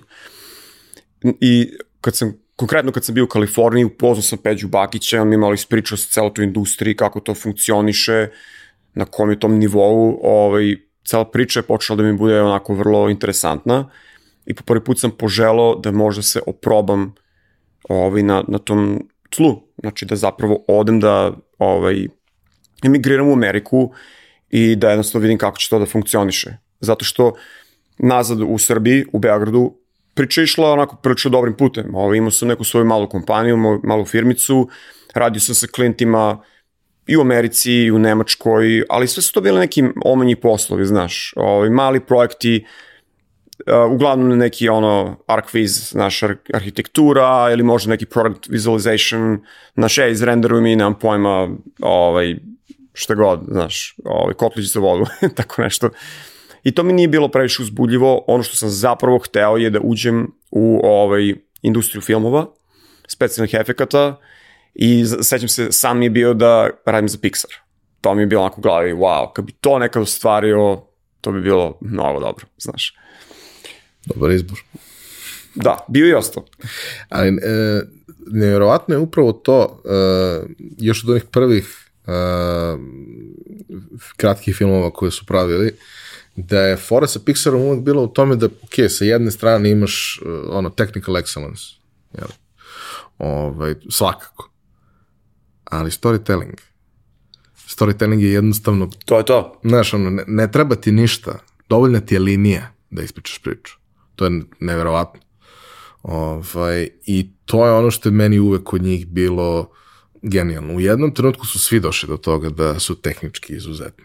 Znači da sad manje više svako možda napravi Tako je.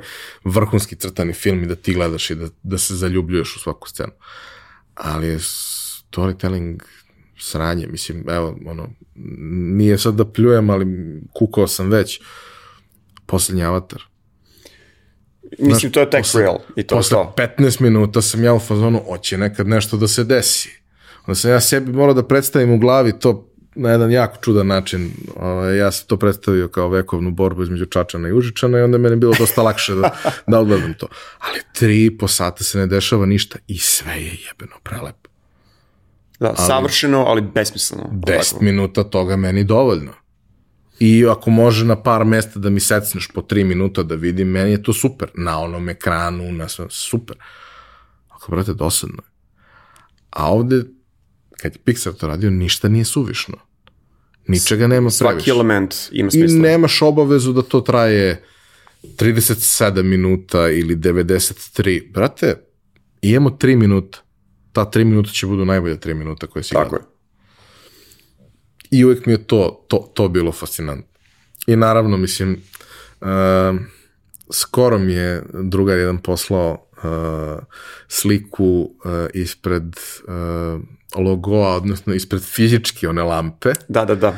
U Ameri bilo. Uh, I kao, poslao mi je to i bukvalno sam teo da se rasplačem od sreće što, što je tamo i što, što je to ovaj, uradio, jer kao, brate, nikad nisam želeo da imam stonu lampu dok nisam video njihovu animaciju i rekao ja moram da imam stonu lampu iako ne služi ničemu u mom slučaju, ali moram da imam stonu lampu. Uh, ok, tad si se prvi put ono osvestio prosto kako, kako stvari Do kod dubine to može da ide zapravo? Znači, I šta onda?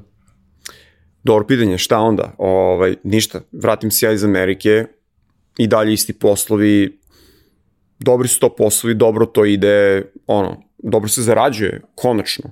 Konačno ja sam, ono, bio u stanju da, na primjer, kupim stan i tako, znaš, neke stvari. Da kažem roditeljima, mama, tata, e, ipak može, znaš, ja ipak mogu ovim da se bavim i da, znaš, toliko su bili ponosni na mene, ovaj, ja sam počeo da se osjećam jako dobro, ali nekako čini mi se da sam udario u neki plafon a, onoga što sam mogu da ostvarim znači, u to vreme. Sada je malo drugačija situacija ovaj, i u Srbiji, što je veoma dobra stvar, ali u to vreme čini mi se imao sam potrebu da radim na višem nivou, a da bi radio na višem nivou, jednostavno moraš da promeniš ovaj, pa, lokaciju gde živiš.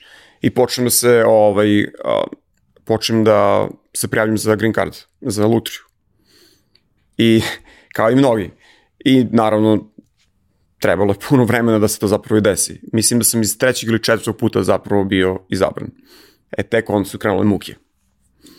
E, sećam se jednom kad sam pričao kao sa, sa, sa nekim ovaj, poznanicima koji imaju konekcije u ambasadi i tako dalje. Kao, kao eto, to je random utiran, kao Nije random. Nije to baš toliko random. Mislim da nije random. Nije baš to toliko random. Imaš i taj segment, ali kao, znaš, imaš ljude koji mogu da se prijave 5000 puta i nikad neće dobiti, jer oni ni na koji način ne mogu da dodaju vrednost društvu. A s druge strane imaš ljude koji mogu, pa ako su baš uporni, dobit će svoju šansu. Što ima smisla, znaš. Ja mislim da taj možda prvi krug, jer kad te izvuku za prvi krug, onda imaš 50-50 šanse, možda i jeste, ovako da kažem random, ali posle toga ti moraš da priložiš toliko mnogo podataka o sebi da je pr prosto nemoguće da, znaš, da posle toga si odabran onako randomly. Znaš, bukvalno do osnovne škole, sva dokumentacija, ceo tvoj život, sve. Dobro. I sad ti prođeš ceo taj proces. Prođem taj proces, dobijem green card. Ok. I sad po prvi put si svozama, pa dobro, do sad je to sve to zvučalo kao dobra ideja, a čekaj kako to zapravo sad i da uradimo, znaš. A, ovaj, Ivana moja supruga i ja, imam prilično lep život u Beogradu, u Srbiji, znaš. I onako počnem da razmišljam, ja, zašto sam možda ovo radio? Kao, čekaj bre, porodice mi je ovde, prijatelji su mi ovde, lepo mi je. Š, zašto ovo meni treba? Što znaš, sam proklet. Što sam, da, tako je. I sad, ne znam, možda je kombinacija nekog ega, naš želje da, da se isprobaš u tom nekom ovaj, svetu gde su stvari na vrlo visokom nivou, ili radoznalost, ili kombinacija. Uvijek sam po periodu bio jako radozno i stvarno sam želao da, da vidim kako to izgleda život u inostranstvu. Ovaj, I sad, ok, imamo green card i očekuju tebe da se preseliš. Ali kako se preselim kad pre, pre svega nemam pare, znaš? Gde da se preselim? Ne znam nikoga. Znaš, tada bukvalno nisam znao nikoga ovaj, u Americi. Kao, pa dobro, ajde turistički da odemo pa da vidimo, znaš, nećemo da se selimo, nego da odemo čisto da pogledamo. Tri puta smo mi išli u Ameriku i onako majali smo malo New York, malo Boston, sva ta standardna mesta Washington, pa ajmo malo Kaliforniju da, da vidimo, znaš, šta nam leži.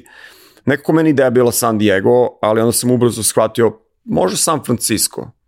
Pixar je tu, znaš, i još drugi neki studiji su tu, znaš, ovaj, možda tu. I kao, ok, a idem u San Francisco. E, mi smo tri godine štedali pare. Tri godine smo skupili kintu da nam, ono, traje neko vreme kad se zapravo preselimo. I krećemo i da, ovaj, na put sećam se, roditeljima i bratu sam rekao, ako vi krenete na aerodrom, ja ne idem, ne mogu. I sedimo na aerodromu, ugrlimo se s prijateljima, plačemo svi. To mi je bio najteža stvar koju sam u životu učinio, da se odvojim od njih taj put. I toliko, toliko sam se pitao u glavi da li je ovo prava stvar, da li je moguće da ćeš sve ovo da napustiš. I svi ti kažu, tu smo ako se ne snađeš, ali nekako znao sam da nema povratka. Ja, ovaj, tom... taj trenutak kad prođeš pasošku kontrolu je point of no return. Da, to je to. Možda nekad, možda nekom trenutku. Te tri godine štednje, mi smo ispržili za mesec dana u San Francisco. Jer kao ti dođeš, ovaj, ti nemaš nikakav status, ne, nemaš, uh, naš, po prvi put si dobio social security number, I sad u Americi postoje nešto što se zove credit score. Ovaj, znači, što koji više, nemaš. Koji nema. Znači, kao igrici, što više trošiš, taj, taj ti je skoro veći. I to upravo, trebaš da se zadužuješ i da, da taj dug pokriješ. Zadužiš se, pokriješ, zadužiš se, pokriješ i to te čini ovaj, osobom od poverenja, je li tako? I onda se u traku traku kupi škola, kažu, e, ovaj čovek je toliko puta se zadužio na mikrotransakcijama i vratio je, znači verovatno, ok, znaš, e, pošto mi to nismo imali, sve mora u kešu da plaćaš. Kupiš kola na keš. Um, da nađemo stan, pre svega da, da uzmemo stan bez kredit skora je bilo skoro nemoguće, nego smo tu morali, tu smo već upoznali neke ljude pa su jamčili za nas da smo ono, da smo ok, šta ti ja znam, pa kao nekako, ali ono, ok, može, ali da nam daš tri prve rente. I to je za mene rente nisu 200 10.000 dolara, znaš, odmah, ono, znaš. Tako da ja nisam mogu da verujem koliko smo mi brzo ispršali te pare. Samo za osnovne stvari, ono, stan, kola, znaš, pa sad vidjet ćemo. E, moj prvi odlazak u San Francisco je bio 9 godina nakon što sam prvi put bio u Americi. Otišao sam kod prijatelja, otišao sam sa, sa najboljim ortakom kod jako bliskih prijatelja. I sad, brate, u tom trenutku, mislim, imamo mi para nije sporno, lepo, lepo živimo ovde, ima se para, ciljano smo otišli tamo i ko, brate, imamo kod sebe. I oni koji, znaš, ono, sve vremena kao, neka mi ćemo, a nema potrebe, opustite se. onda prvi put kad skapiraš koliko šta košta i da to nije nikakvo iživljavanje, to je jednostavno cost of living na tom mestu i to je to.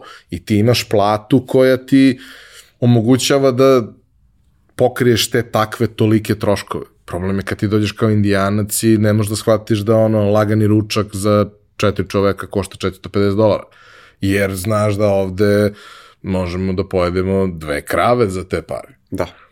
A tamo smo pojeli supu i ne znam, garlic bread i pili kiselu vodu ali kao to je negde realnost, sad isto ne znam, to cene nekretnina, rente nekretnina, kad ti shvatiš koliko sve to košta, jednostavno sve te ideje koje imaš o tome šta ti treba da pripremiš, sve je to daleko skuplje.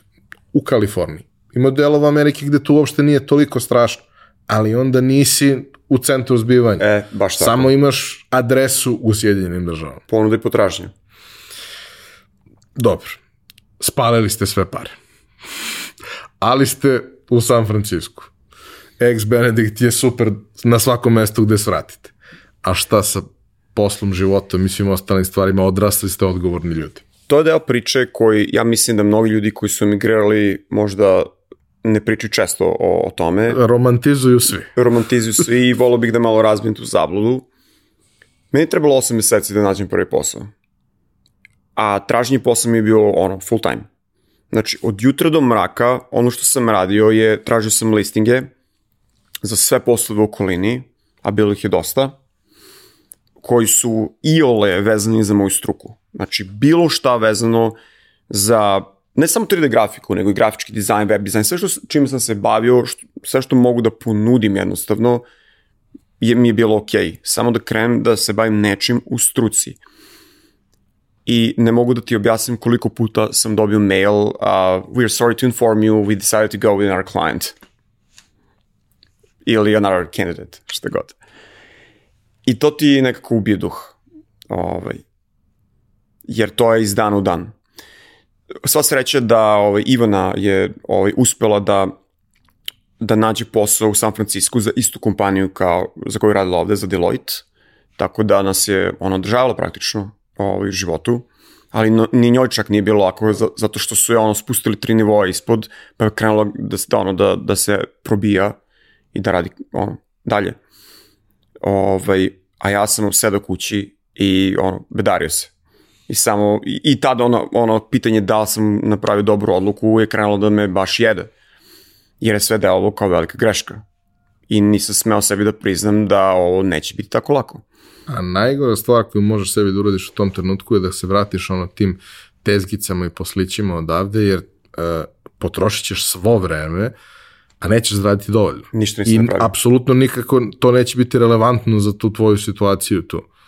Ovaj, I to su stvari naravno koje, koje mnogi ljudi urade i kad krenu da prave tu vrstu kompromisa, to je najčešće kraj. Jer mnogo je lako otići, ti možeš da zaradiš 4-5 hiljada radeći kao konj tako neki poslić, ali tamo ti to dovoljno samo da bazično preživiš. E pa vidiš, ovaj, jedna od dobrih stvari, čini mi se, dobrih odluka je bilo da ja to nisam hteo na taj način da uradim. Ja, mislim, ja sam mogu da nađem posao i van industrije. Znaš, u Americi ima posla, možeš ti da radiš i u supermarketu i da zaradiš pare za život. Na kraju krava, ako, ako ti treba da zaradiš, moraš da zaradiš. Ali bio je dogovor baš sa Ivanom, hej, ajde, pokušaj da nađeš nešto što je stvarno dobro, koliko god vremena treba. Biće teško, trajeće, ali daj da uradi ga kako treba, uradi ga kasvetno, znaš. I onda sam ja, ono, drljao, drljao, prijavljivao sam se za sve i svašta, čak za, sećam se Pixar Intern, to mi je bilo onako, jao, kad bi me primili, koliko bi to bilo dobro. Ništa, a, pošto ono, jedno da smo znali nekog i nema ko da te preporuči, znaš, nema, nemaš jednostavno nikakve konekcije. Sve što sam imao mreže prijatelja u Srbiji, do kojih sam dolazio do posla upravo zbog tog razloga, jer ti onako znaš ljude i mogu da te preporuče. Ništa od toga. Bukvalno kao da ti neko izbrisao život i krećemo iznova. Što sad kad razmišljamo o tome je onako interesantan izazov, ali bilo vrlo bolno. I onda ubodem prvi projekat, posle 8 meseci, za jedan mali startup. E, taj moment kad ovaj, ti sadneš i, i, i, analiziraš sve i znaš ono, ja znam da, da, da, da je gostima često teško što se vraćaju u neke bolne trenutke, ali, brate, to te napravilo takvim kakav si, da nije bilo toga, ti ne bi bio to, to što si danas.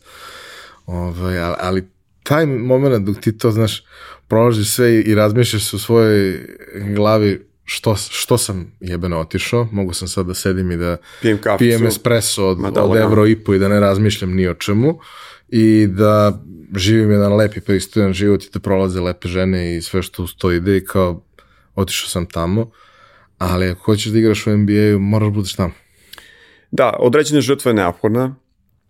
E sad, da li će to da se isplati ili ne, ko zna. Tako da mislim da sreća takođe igra veliku ulogu u celoj priči. Talenat, rad, svakako. Pazi, mislim, ja sam, znači u tim zadnjim momentima pre nego što sam emigrirao iz Srbije, ja sam radio po 40 sati odjednom. Znači ja sam celu radnu nelju spakujem bukvalno u dva dana. Znači do te mere sam ja ono workaholic bio, trudio se, gradio portfolio, gradio sve i onda od toga preseliš se ništa. Ono, sedim kući i gledam u zid. Jer sam se prijavio na sve poslove na tržištu i sad nemam šta više da radim. I, znaš, i razmišljaš da li će nešto da se desi. I šta je bio taj prvi posao za, za startup? To je ovaj, bio mnogo cool ovaj, mali posao. Ovaj, startup se zvao Mixamo uh, iz San Francisco i oni su ovaj, radili vrlo interesantnu stvar, radili su uh, uh, motion capturing i onda su pravili uh, bazu animacija koju su posle ovaj, imali su znači bukvalno i dalje to postoje zapravo ako odeš na mixamo.com vidjet ćeš imaju ovaj, database animacija koju možeš da zakačiš na svog karaktera. I to je mnogo korisna stvar koja se i dalje veoma mnogo koristi u najrazličitim industrijama. Da ne moraš od nule da praviš, pa da. da kupiš gotovo kako, kako hoda, kako da. skakče loptica. Da, to su bila ono stok animacije, konkretno za karaktere. Znaš, pa imaš trčanje, imaš čučanje, leženje, ono, stotine različitih animacija. I to je bio jedan od njihovih proizvoda. Ali konkretno ono na čemu sam ja radio je bio prvi animirani film koji je kompletno odrađen u nekom game engine-u, u Unity-u. I na neki način to je bilo moje stvarenje sna, zato što ću konačno raditi na animiranom filmu, a to je bilo ono što sam stvarno toliko mnogo želao da radim, znaš. I zaposlili su me kao environment artista, da, da kreiram taj ceo neki svet. I jedno deset godina ranije si radio stvar koja je sad postala potpuno normalna. Da. A, kako je, ono, ok, konačno se desilo, ti si najsrećniji, najmotivisaniji na svetu, sve to super. Ono, kad, kad taj materijal koji si pravio je verovatno bio nekakav promotivni materijal za, za to što oni rade i showcase tih Više showcase, više bio, bio promotivni materijal na neki način u smislu evo ovo nešto što mi možemo da odradimo, ovo je naša ideja, ovaj, evo, i bilo je bukvalno nešto što smo na YouTube-u objavili i ono, ljudi su se oduševili, znači, na neki način stvar renomea, znaš, ovaj, prestiža, je li tako? Uh, mislim, pričao sam sa, sa drugaricom koja se bavi animacijom, koja mi je rekla, uh, misliš da je hodanje jednostavno dok prvi put ne treba da ga napraviš da izgleda prirodno. To je zapravo najteža animacija koja postoje. Da, Walk Cycle. I on, ima sad tu raznih rešenja, ima svašta nešto što je dostupno i to može da napravi taj neki ono quirky karakter da izgleda simpatično kad hoda, ali kad treba da napraviš da realistično čovek hoda, to, to je pakao. A ako nije realistično i ako nije stvarno to to... Uncanny Valley. Videće se. Jer tvoj mozak tačno može da provali sve što je vezano za ljude, da li je to pokret, da li je to onako fizički izgled, ako je nešto off, tvoj, iako ti možda nisi svestan, tvoj ne mozak je svestan. šta je, ali šta vidiš da nešto nije okej. Okay. Da, i vrlo je odbojno. To je taj uncanny valley o kome pričamo. Na sreću, ovo što, na čemu smo mi radili je bilo onako stilizovano skroz, tako da ovaj, sam ja imao jednu punu slobodu da to ovaj, radim na, na način na koji sam želao. Naravno, imali smo art direction i sve to, skice i tako dalje. Vibe je bio strava, fenomenalan. To je bilo u industrijskom delu San Francisco, Dog Patch, koji dalje mnogo volim. Onako ogroman hangar, gde ne znam ja šta je bilo, vratno neki ono meatpacking district ili tako ne, neka fora kablovi vise svuda naokolo, visoki, ono, visoke tavanice, kompjuteri svuda naokolo, imaju motion capturing, ovaj, kao studio. A, rig, ceo. Da, da, ovaj, sad se setio jedne vrlo važnog detalja. Jedna od stvari, koje, jedna od proizvoda njihovog je bio uh, auto rigger. Znači ti uvezeš svog karaktera i on napravi automatski rig za karaktera, znači skinning sve odradi automatski i možeš kao tako da ga downloadaš i onda posle da radiš svoju animaciju Tako da, ono, ne moraš da se baviš riggingom koji je veoma kompleksan i niko zapravo ne želi to da radi jer je toliko tehnički da je to strašno. E, a onda ako želiš možeš čak i da nabaciš animaciju na to karaktera, tako da imaš ono, od nečeg što si, što bi statični karakter, imaš ono, bukvalo karaktera koji trči, skače i tako dalje.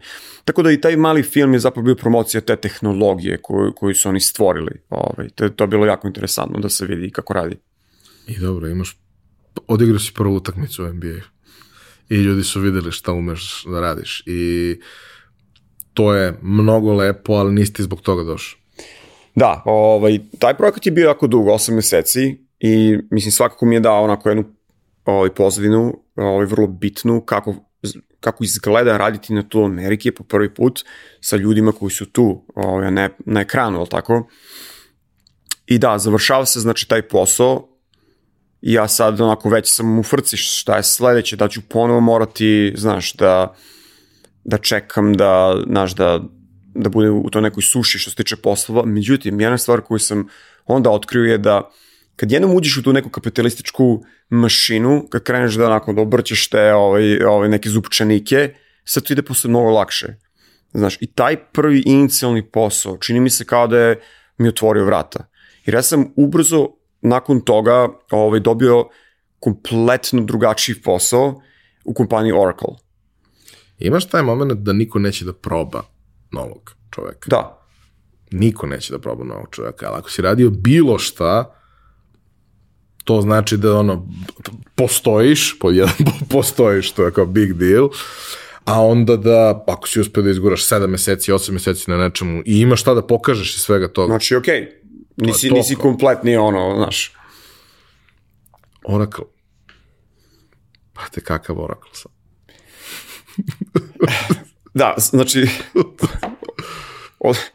to je nekako, ja mislim da mi je to bila onako po, posljednja stvar, ne posljednja stvar, ali stvar koja mi je neko ubila nade, u, da ću raditi ono na čemu zapravo želim da radim, a radit ću samo ono što moram da radim. Oracle ti je kom, softwarska kompanija, a, treća najveća na planeti, mislim, poslije što sam gledao, koji se bave bazama podataka. Znači, to je najsuoparnije nešto što možeš da zamisliš, otprilike, pa eto, da se vratimo u taj Matrix.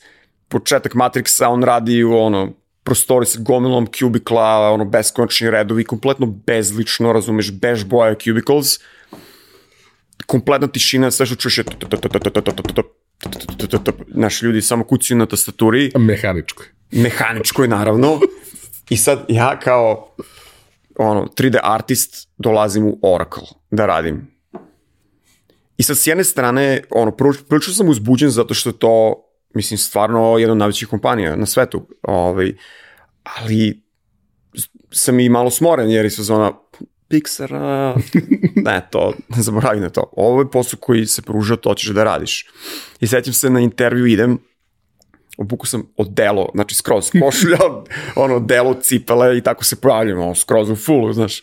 I gleda me moja buduća šefica kao, znaš šta, ne moraš da dolaziš baš u odelu na posao. Ok, je, možeš farmerice da nosiš, ono, business casual, to je skroz u redu. Ovi, to je bio vrlo interesantan posao zato što su oni imali eksperimentalno odeljenje ovaj, za, uh, za branding gde su pokušavali neke nove tehnologije. Znači oni su do tada sve radili u Illustratoru, u Photoshopu i sve to izgledalo vrlo flat i onako dosadno, što se nekako i asocira s tom kompanijom. I onda kao ajde probamo 3D grafiku kao vid izražavanja. To je naš novi medium koji ćemo iskoristiti da uh, onako pravimo branding za naše najveće proizvode, kao što na primjer, na primjer Oracle Cloud. I bilo nas i svega troje ili četvoro možda u tom timu, na čelo sa mojom šeficom. I? I ništa, ovaj, krećem ja tamo da radim, posao je ono, strahovito dosadan, zato što ti ovaj, moraš da radiš toliko onaj versioning, znaš, ovaj, toliko moraš da ubodeš tačno to što onako taj proizvod treba da, ono, to convey, što bi rekli, znaš, da, da prezentuje, da to onako ubije svaki, svaku mogućnost bilo kakve kreativnosti. Sećam se za taj konkretni Oracle Cloud, koji mi je bila onako najveća kampanja godine, ja sam radio konkretno na tome, odradio sam 400 varijanti to ne, tog nekog banera. Sad da ti pokažem kako to izgleda, to su tri staklena oblačića sa četiri kockice unutra. 400 varijanti i radili smo mesecima na tome i imamo na raspolaganju um, crnu, belu, sivu i, i Oracle Red boju. To je to. To je bio moj svet. Znači crna, bela, grayscale i crvena boja. To ti to. I na tome radiš, kapiraš.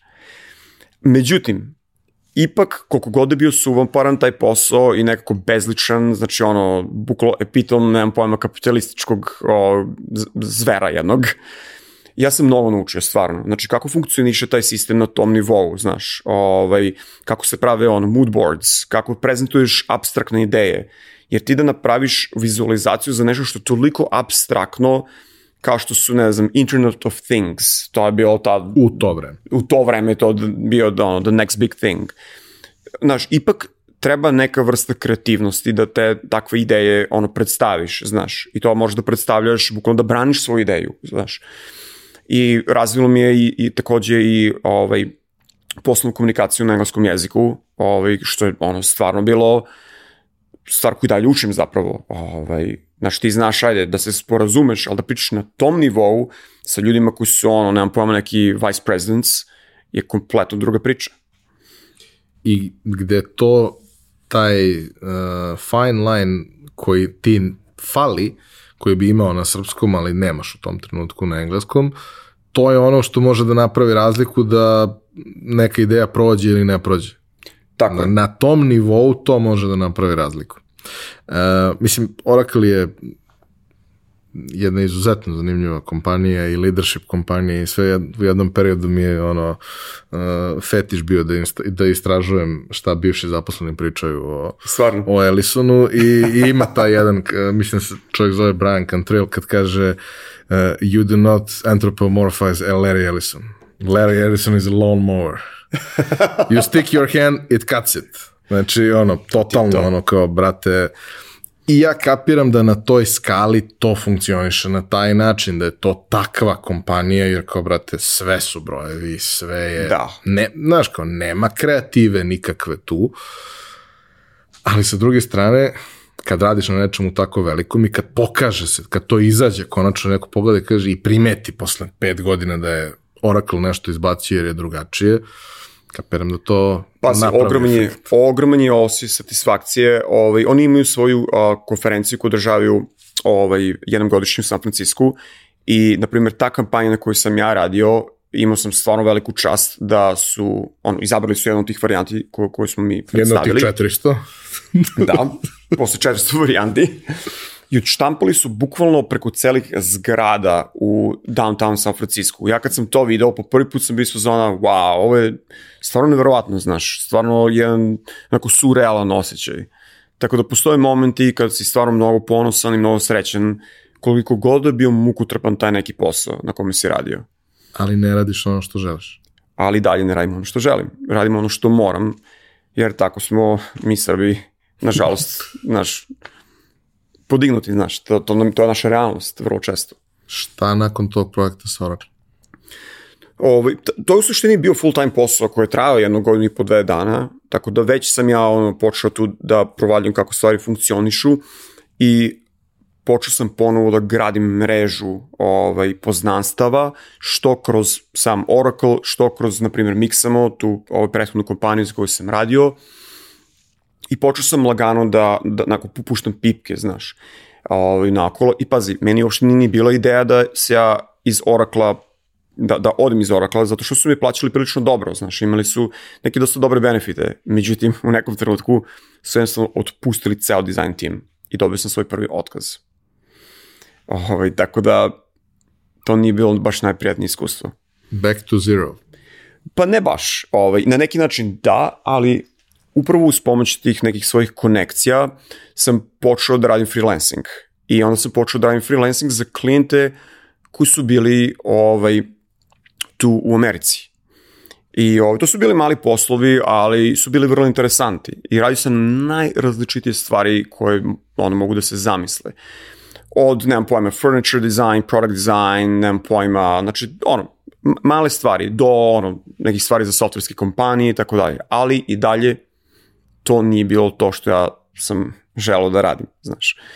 I onda mi legne još jedan onako neočekivan posao za jednu veoma, veoma ekskluzivnu prodavnicu nameštaja koja se zove Restoration Hardware.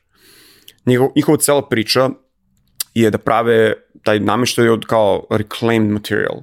Naprimer, ne znam, crkva u Ukrajini ili tako nešto ovaj, iz 19. veka se srušila, mi smo uzeli građu i napravili smo ti sto za dnevnu sobu od toga. I to košta 10.000 dolara. Ali sve autentično, znaš njihova priča je bila ovaj, toliko dobra da maltene svi, ono, svi bogati ljudi su imali taj nameštaj i stvarno izgleda fenomenalno, da se razumemo, ali maltene ne, nepriuštiv.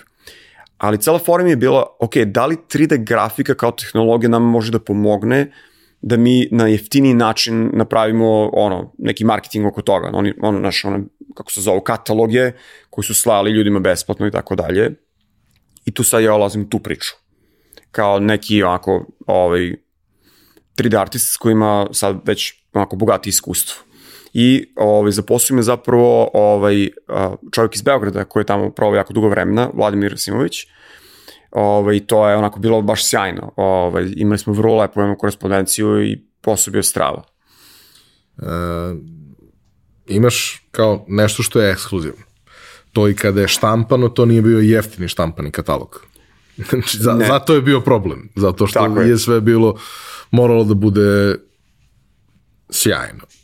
A, samim tim i to što ti radiš, mora da bude top noć. Znači, ono, da jednostavno i te proizvode predstavi na pravi način, a da ne bude pretenciozno, a da bude vrhunski realistično. Šta ste radili u tom periodu? Šta, šta je bio tvoj ugao kako to rešiti? Evo ovako, ovaj, to je vrlo, vrlo interesantan problem bio da, da se reši i mislim da sam ja onako kao umetnik i kao profesionalac sam imao mnogo veliki benefits od rada tamo, jer je to izazov koji se ispostavilo da mnoge ogromne kompanije pokušavaju da reše takođe. Um, kad imaš nešto što je vrlo jednostavno, kao na primjer IKEA, IKEA namještaj, oni zapravo kreću da ga dizajniraju u 3D-u. Čak i pre nego što uopšte postoji u realnosti. I tek onda to ide on na production line i pravi se. Zato što su relativno jednostavni modeli. Međutim, sa nečim kao što je ovo što sam opisao, svaki komad nameštaja je praktično kao umetničko delo na neki način. I sad ja kad sam došao tamo, oni su to radili na onako old school way, gde su imali retušere. I sad čak i objekti koji ne postoje, znači ovaj, stolice, stolovi i tako dalje, koji uopšte ne postoje, oni su to onako radili, oni su to zvali eh, um, Frankensteining, zato što su uzeli, bukvalno pravili su nešto od nečega što uopšte ne postoji, ali sve u 2D-u. I to su morali da rade za ono, različite uglove, za različite materijale. Pakao. Pakao. Pakao. I pošto se to radilo za kataloge, ovaj, znam da si morao si da zoomiraš na 400% i da radiš na 400% ono, ovaj, zoom, da to sve izgleda besprekorno. I naravno me, od Vladimiru Simoviću, mom, mom ovaj, šefu, je bilo jasno da 3D grafika može toliko mnogo ovaj, vremena i novca da uštedi. Ali da ga radiš na tom nivou, mora si da onako baš razmišljaš na veliko. Zato što, na primjer, da bi napravio takav objekat, trebalo bi ti meseci da ti ovaj, sve te detalje realnog objekta preneseš na 3D model. Znaš, ti napraviš ovako nešto, to je lako. Ali ako praviš nešto što je, ono, nemam pojma, reclaimed wood, što ima toliko karaktera, to je praktično nemoguće da se odradi manualno. I onda smo krenuli da razmišljamo o ono, cutting edge technology koje možemo da iskoristimo, kao što na primjer, 3D skeniranje. I onda ja krećem da radim ovaj, sa ono, kompanijama koje se bave, na primjer, 3D skeniranjem, photogrammetry, koja je bila up and coming tehnologija, gde ti na osnovu fotografije možeš da ovaj, napraviš 3D sken objekta zajedno sa teksturom. Na, na, na osnovu više fotografije, na osnovu da, da mnogo da, fotografija. Na osnovu ogromnog broja fotografija, uzmiš objekat, slikaš sa svih strana i to izbaci 3D model, ali to sa sobom nosi toliko problema. Naprimer, ne možeš ništa što je transparentno, ne možeš ništa što je metalno, ne možeš ništa što nije flat, kompletno. Pa onda pokušavaš sad da, onako, da nađeš neku, neko rešenje, znaš, ok, ajde, skinirat ćemo nešto što je napravljeno od skroz flat materijala, pa ćemo u 3D da mu promenimo materijal da bude metal i tako dalje. I onda ja po prvi put sam počeo da razmišljam o tome koliko je bitno ovaj, da imaš realistične materijale u 3D-u, da imaš realistično osvetljenje. Mislim, bio sam ja svestan svih tih stvari ranije, ali sada po prvi put sam krenuo da razmišljam bukvalno kao fotograf na neki način. I zapravo sam isticao znanje ovaj, mnogo iskustva i znanja od njihovih fotografa koji su ono prvoklasni fotografi koji koriste prvoklasnu opremu. To su kamere koje košta 100.000 dolara. Ovaj, to, je, to je neviđen setup da bi, to, da bi ta fotografija bila na tom nivou. E sad, ajde odradi tu repliku u 3D-u. Je, na kraju dana ti ono istu stvar moraš da uporediš kako izgleda kao fotka i da. kao 3D i ako je identično, onda je dovoljno dobro. Da. Jedino što ovo što je identično možda pomeraš. A ono prvo ne možeš. Ne, da, tako je. Znači, kad si jednom došao dotle, onda su mogućnosti neverovatne. Mislim, svašta se desilo za ovih deseta godina. Mi smo došli u situaciju pre, ne znam, tri godine kad je izašao ono, iPhone 12 Pro, da ti imaš lidar na telefonu i da možeš da uradiš sken nečega što opet je netransparentno, ali kao, brate, figuricu neku možeš na stolu da skeniraš sam i da to bude perfektno. Da, savršeno. Znači, u hardveru koji košta u tom trenutku 1000 evra. Znači, kao, imaš sve, hardware, software, sve ti je tu sve. i samo ga uvezeš i vozi. Samo godinu dana pre toga je to bilo nezamislivo. Da, i meni je bilo ako vrlo interesantno da sam ja to bio, znači radi sam tom, tom tehnologijom na samim početcima. I to je bilo baš onako interesantno zato što sam ja počeo da uspostavljam određeni pipeline, ovaj, kako, kako bi izgledalo zapravo u produkciji da mi recimo uzmemo, skiniraš objekat, pa onda možeš da ga optimizuješ, da on radiš clean up, pa onda trebaš da, znaš, da odradiš sve te materijale, pa onda trebaš da ga staviš u virtualni studio, pa onda trebaš da rekreiraš sve to osvetljenje, pa onda moraš da odradiš, znači, rendere iz različitih uglova.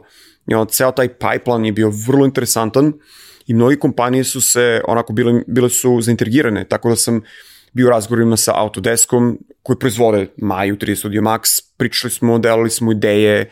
Pokupovali su ih u jednom trenutku. Tako je, sve. Znači, Ceo ekosistem. Tako znači... je.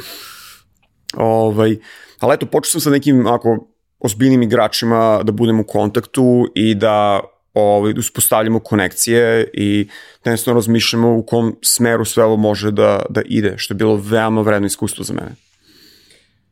I kako si onda došao do toga da radiš stvari koje si želao?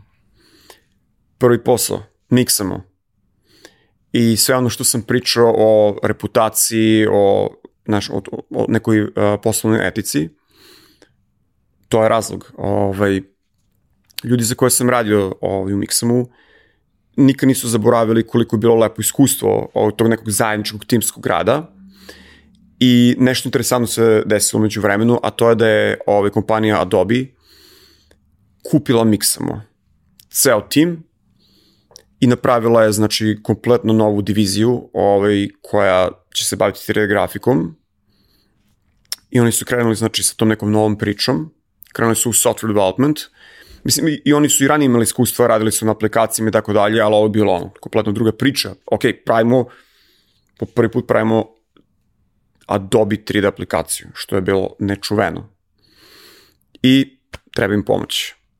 I sad moj kolega i dugogodišnji prijatelj, Justin, ovaj, jedan mojih najboljih prijatelja zapravo, se jako borio za to da mene pozovu, ovaj, da ja krenem da radim za, kao, kao ono, kao kontraktor za njih. Međutim, fora je bilo u tome što sam ja dalje radio za restoration hardware i sad šta da radim? Kako da odaberem između jednog i drugog? Naravno, kao Srbin, radit ću ovo. tako da, tako da sam ja radio praktično šest dana nedeljno. Ove, tri dana za jedne, tri dana za druge. I to je bio haos. To je bio toliko težak deo života. To, se, to je 2016. godina, znači u tom trenutku. Ja apsolutno nisam imao trenutak odmora, jer i ta nedelja koju imam ja zapravo sam radio. Tako da sam radio, ono, dan i noć. Dan i noć. Ali ispostavilo se da to je bila jako dobra odluka, zato što posle svega par meseci ja dobijem svoj drugi otkaz. Zato što u Restoration Hardwareu su odlučili da zapravo ne žele da idu s 3D grafikom, što je bila veoma loša odluka u to vreme i jednostavno ja izgubim posao ali imao sam backup Adobe i ali sada... Ali srećom imao si dva posla. Tako je. I ta moja neka, da kažem, taj moj neki srpski mentalitet nikad ne znaš, se stvarno isplatio. Jer jednostavno imao sam taj backup i zapravo vrlo bilo lako da samo proširim na punu radnu nedelju i da krenem tamo da radim. E, samo mi reci jednu stvar vezanu za, za Restoration Hardware. Uh, dok ste vi zapravo stigli? Odnosno, koliko je to daleko bilo u trenutku kada su oni rekli uh, fuck it? Ja sam odradio ovaj, najrazličitije ovaj, onako studije, da kažem, tog pipeline-a u zavisnosti od ovaj, toga sa kakvim objektima treba raditi, od najjednostavnijeg, što bi podrazumevalo ono manualni modeling, koji bi znači vratno bio neki outsourcing i tako dalje, pa do mnogo kompleksnih slučajeva gde ćeš morati da skiniraš i tako dalje. I bukvalo smo imali ceo range i ovo, ja sam to njima onako u nekom trenutku prezentovao koliko bi koštalo. Znači, odrali smo ceo biznis plan svega toga ovaj, i to jednostavno oni nisu imali razumevanje zašto bi to toliko koštalo i toliko vremena trebalo. Ali sad kad razmislim, to je zapravo bila prilično dobra ponuda ovaj, za, za to vreme. Mislim da je u suštini najveći problem što su to one-off komadi. Da. Što oni kad bi imali seriju, to bi sve imalo smisla. Međutim, kada je u pitanju one-off stvar, da, koliko god da košta, ti da. moraš da uračunaš to da za taj jedan komad imaš to i da kada završiš, kada se taj komad proda, to sve što si napravio ti više ništa ne znači. Pa dobro, u principu bilo je, kako da kažem, um, bilo je slične cene kao recimo fotografija, tako da, znaš, bilo je uporedivo, ali to su i pravo, znaš, bili su vrlo unikatni komadi o, nameštaja. I dobro, došao si u Adobe, uh, ja moram da kažem, verovatno skoro nikog ne zanima, ali ima sigurno neki čudak koji, koji to, ja sam mrzeo Adobe godina. Znači ja sam godinama odbijao da naučim da ga koristim. Koristio sam sve ostale sjutove koji su postojali.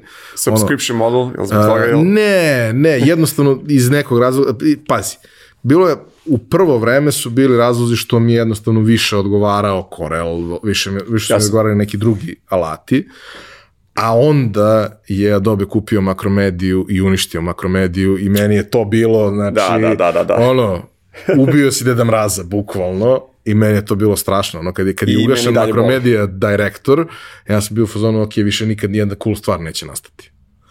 Flash je ok, bio, bio zlo uvek, ali kao, znaš, ono, ja kad objasnim za, za neke stvari, ono, kao optimizaciju nekih gifova i nekih gluposti, meni je Fireworks bio bolji od bilo čega što je iko drugi napravio. Ne znam, freehand sam voleo više nego bilo koji drugi alat i onda kad su oni to usisali u sebe i u roku od par godina manje više sve odbacili, odnosno ugasili, meni je to bilo mnogo teško. Naravno, i ja sam se, ono, ne znam, 11. 12. prebacio, jer je to postalo industry standard. standard. Neki, da. Znači, kao, možeš ti da znaš Corel, super je to prijatelju, ali ako ne znaš Illustrator, u realnom si problemu ne možeš da funkcioniš.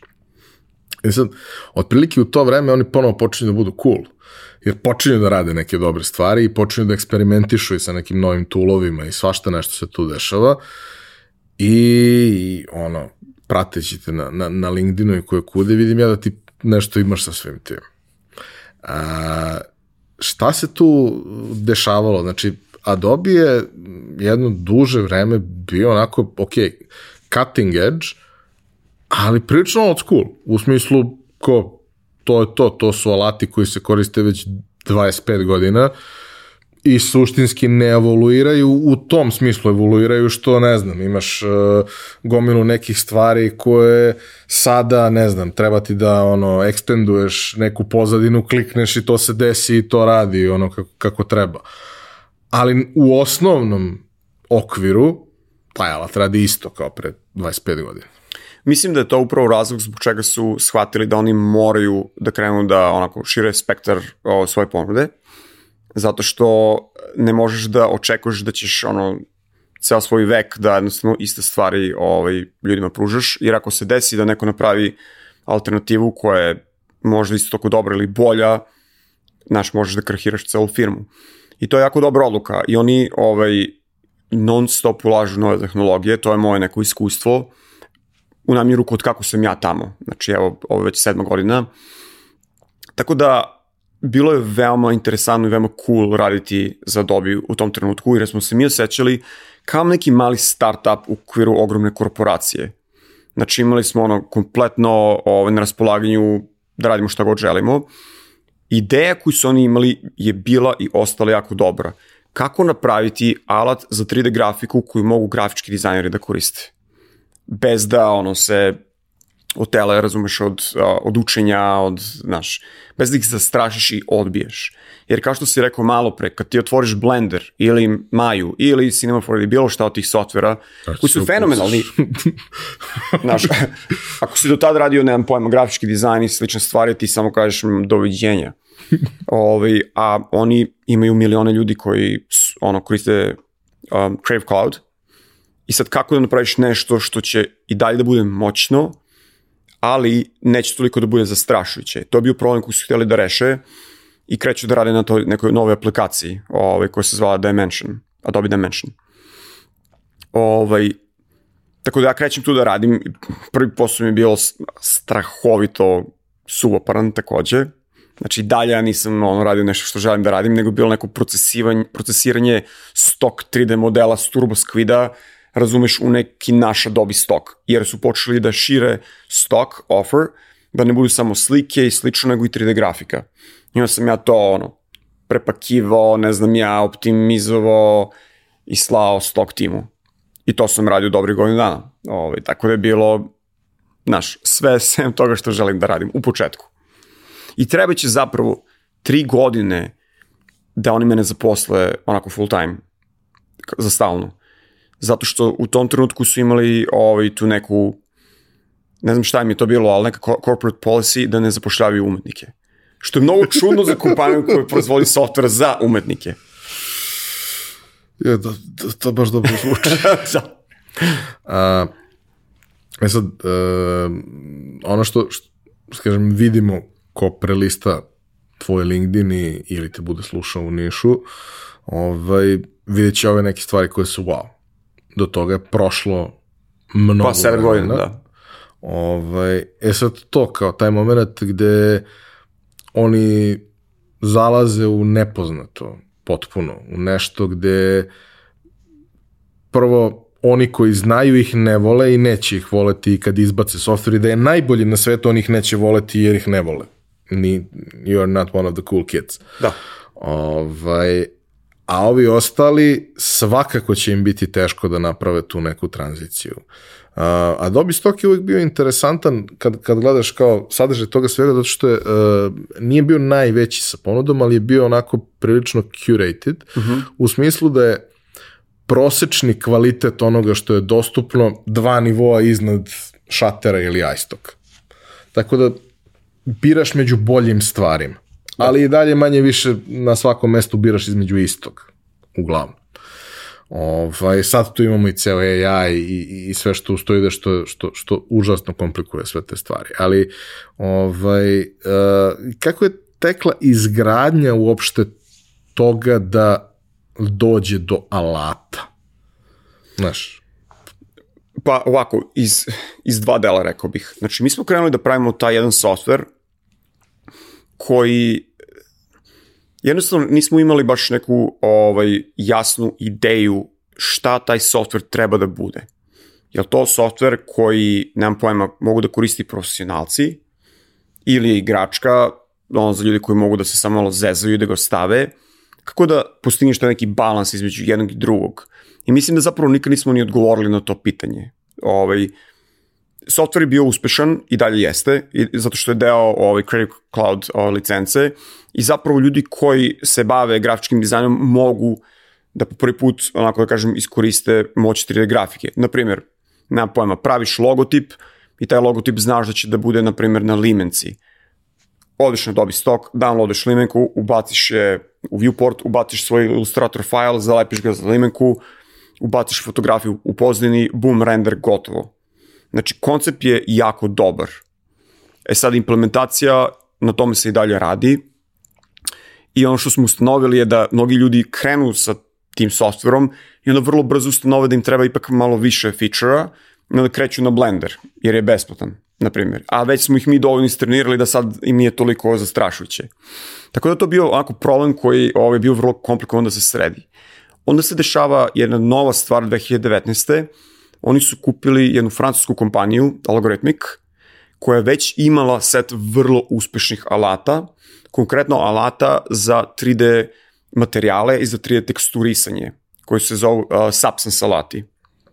I onda su počeli da razmišljaju o ekosistemu, gde svaki alat ti pruža određeni, određenu funkcionalnost.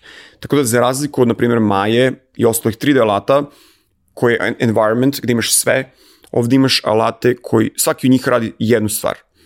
Hoćeš da modeluješ, imaš Substance Modeler. Hoćeš da praviš 3D materijala, imaš dizajner. Hoćeš da teksturišeš model, imaš Painter, što je flagship tool. Hoćeš da renderuješ sve to, imaš Stager, koji je uh, na neki način naslednik Dimensiona. So, počinje, počinje ideja tog ekosistema alata i to je malo drugačiji ovaj, framework od svih ostalih ovaj, kompanije koje proizvode 3D software konkretno. I na taj način oni su hteli da razbiju kompleksnost, zato što su shvatili da vrlo često ti ne moraš sve da znaš i ne moraš sve da imaš, nego jednostavno, znaš, ej, samo hoću da nabacim neke materijale i da ga izrenderujem i to je to. Znaš, i interesuje me kako se sve ostalo radi. Tako da to je bila, bila neka ideja ovaj, sa kojom su oni krenuli i na kojoj zapravo i dalje radimo. A šta su bili prvi projekti koji su ti stvarno bili cool, koji si radio tamo? E, konačno, konačno, posle dosta dugo godina, ovaj, sam krenuo da radim neke stvari koje su stvarno bile onako spoj između jedne kreativnosti i onako tehnološkog razumevanja. I ja sam i dalje radio znači za softversku kompaniju. Znači, ne radim za Pixar, ne radim za game industriju i tako dalje. Ne, radim za softversku korporaciju. Ali u u okviru toga ovaj, ono što smo počeli da radimo je da pravimo umetničke radove ovaj, rendere, je tako, koje ćemo koristiti kao promotivni materijal za određene feature koji, koje izbacujemo. Naprimer, nemam pojma, imamo nov uh, render engine, znaš, koji je mnogo brži, sad podržavamo GPU i slično. Kako ti da napraviš neki cool rad, neku cool sliku gde ćeš da prezentuješ ovaj, taj feature? Tako da moje iskustvo iz Oracle mi je jako značilo, ali sad nije bilo toliko abstraktno. Imam, imam sam mnogo veću slobodu da napravim stvari koje su onako možda i interesantne i možda malo smešne, stilizovane. Ovaj, bukvalno sam krenuo da radim ono, art direction ovaj, sa, sa svojim kolegama i to je bilo strava. I to sam godinama sam radio takve stvari. Mislim, to je bio jedan deo, deo angažmana. Ovaj, I u paraleli smo počeli da radimo te vrlo interesantne kolaboracije sa muzejima, ovaj, gde mi jednostavno hoćemo da eto, prezentujemo svoje alate na jedan vrlo pozitivan način kroz takvu neku kolaboraciju. Naprimer, radili smo sa um, um, Natural History Museum of London, gde oni imaju neku kolekciju ovaj, nekih redkih insekata. I onda u okviru te kampanje, na primjer, mi odradimo 3D modele svih tih insekata i imamo takmičenje na Art Stationu, na primjer, gde mi de, damo te 3D modele ljudima, a oni koriste Dimension, na primjer, da naprave scenu, neku kreativnu scenu sa tim insektima, što god žele. I onda mi o, izaberemo tri najbolja rada i damo im, nemam pojma, licence, damo im software, hardware i tako dalje. Ja sam bio u žiriju, na primjer, tako nekih takmičenja, imao sam korespondenciju sa tim muzejima, ovaj, počeo da pričam sa naučnicima, jer, znaš, kad kreneš da radiš sa takvim institucijama, ovaj, kreće da bude vrlo bitno da to što radiš bude tačno sa naučne strane. I to su neki moji prvi početci takvog rada, takve kolaboracije sa takvim institucijama. Dobro, ti si odlučio da počneš od, od komplikovanog. Znači, je, da. insek, insekti se mrdaju. Tako Ali je. nikad neću da zaboravim ovaj, prvi put eh, kad sam bio u Houstonu i kao, okay, naravno, bio sam u Nasir, kao, ka, kako da ne odeš. Apsolutno. Ove, ali kao drugi, treći dan i sad kao šta imamo tu zanimljivo od muzeja i kao ima po onome što čitaš kao jedan od najboljih uh, Museum of Natural History uh, u Americi. Kako, šta, šta znači uopšte to? Odiš tamo i stvarno imaš da vidiš svašta i okej, okay, ono, ja sam dete koje je žalilo da vidi dinosaurusa Tako ceo je. život i vidio sam dinosaurusa i vidio sam i pre toga i posle toga i gde god idem idem da vidim da li ima jebeni dinosaurus. Ali, najmagičniji moment je ulazak u deo muzeja gde su minerali. Jer je to najveća kolekcija i to je mrak, svetlo koje je prilagođeno svakom eksponatu, kojih ima, uđeš u prostoriju, ima ih 300. I ti onda shvatiš, brate, iz čega je sastavljena ova naša lopta. I to je magično. I naravno da za neke od njih postoji neki dodatni materijal. Za mnogi ne postoji, ima ih previše, ima mnogo eksponata. Ali kad ti neko, ono, za najzanimljivije ispriča i priču koja je oko toga, znaš, mislim, ne, ne mogu da zamislim sebe da se bavim rudarstvom, ali posle toga mogu da zamislim sebe da se bavim rudarstvom. Iako verovatno treba mnogo da se gilja, da se dođe do toga da se skupljaju kamenčići.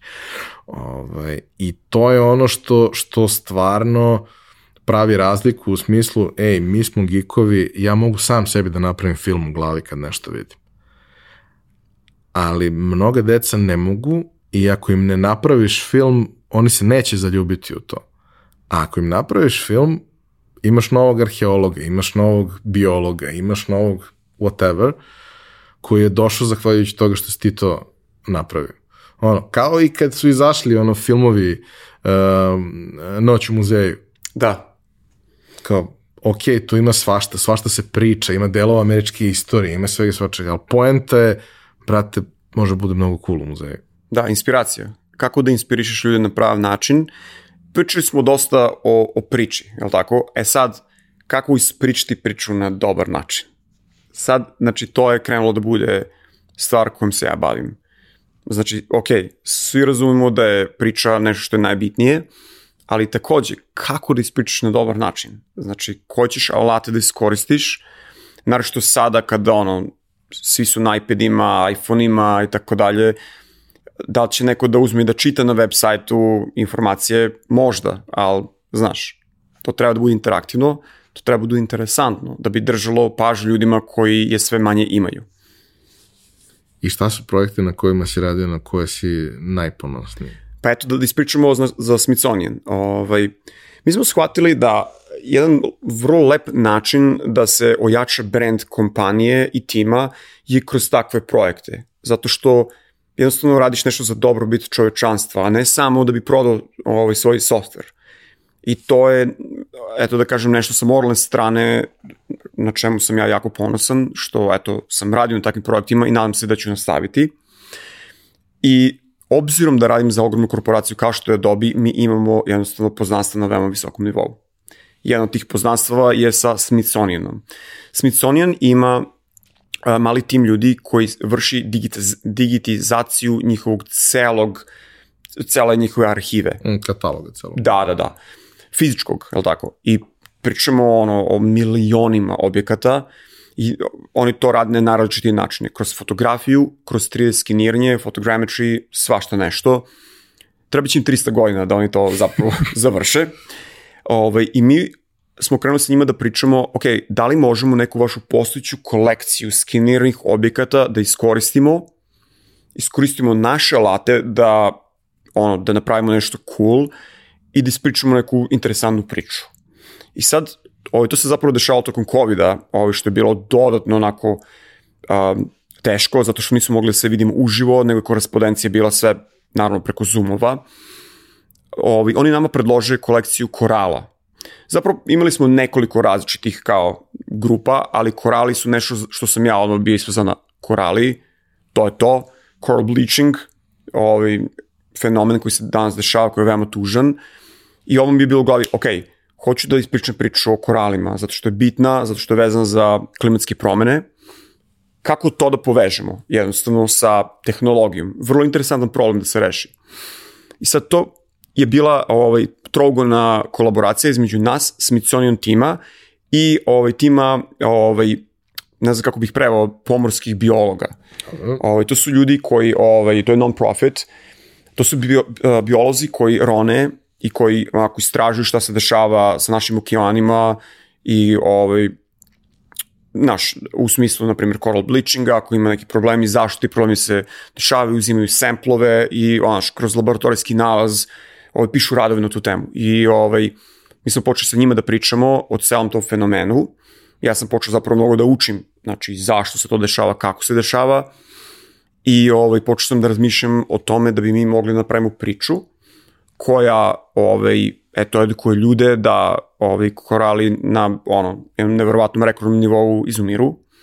Zašto se to dešava i kako možemo da im pomognemo, zato što nisam samo teo da izbedačim ljude. Ja mislim da na kraju svake priče ti trebaš da onako daš neku nadu ljudima. Može, ima pomoć. I kao framework smo iskoristili a, još jedan a, proizvod iz Adobe koji se zove Adobe Aero, koja je naša augmented reality ovaj, aplikacija za mobilne telefone, koja je besplatna. I to je, iz tog razloga je dobar medium, zato što svako može na svom telefonu da eto, proživi to iskustvo, da vidi kako funkcioniše, kako izgleda i plus može da bude interaktivno. Znači ti nisi ovaj, statičan u toj celoj priči, ti možeš da zapravo klikćeš negde, možeš da se šetaš unakolo, možeš da vidiš kako sve to izgleda. Pazi, čak i statično je magično. Tako je, da. Ali još ako možeš da imaš neku vrstu interakcije, to je, još bolje. je ludilo. Da. I onda smo mi, bukvalno godinu dana trajao taj projekat, mi smo uzeli te, znači njihove skinirane semplove, koji su stari jedno 200 godina, skoro 200 godina, kad su izvađeni iz mora u 19. veku.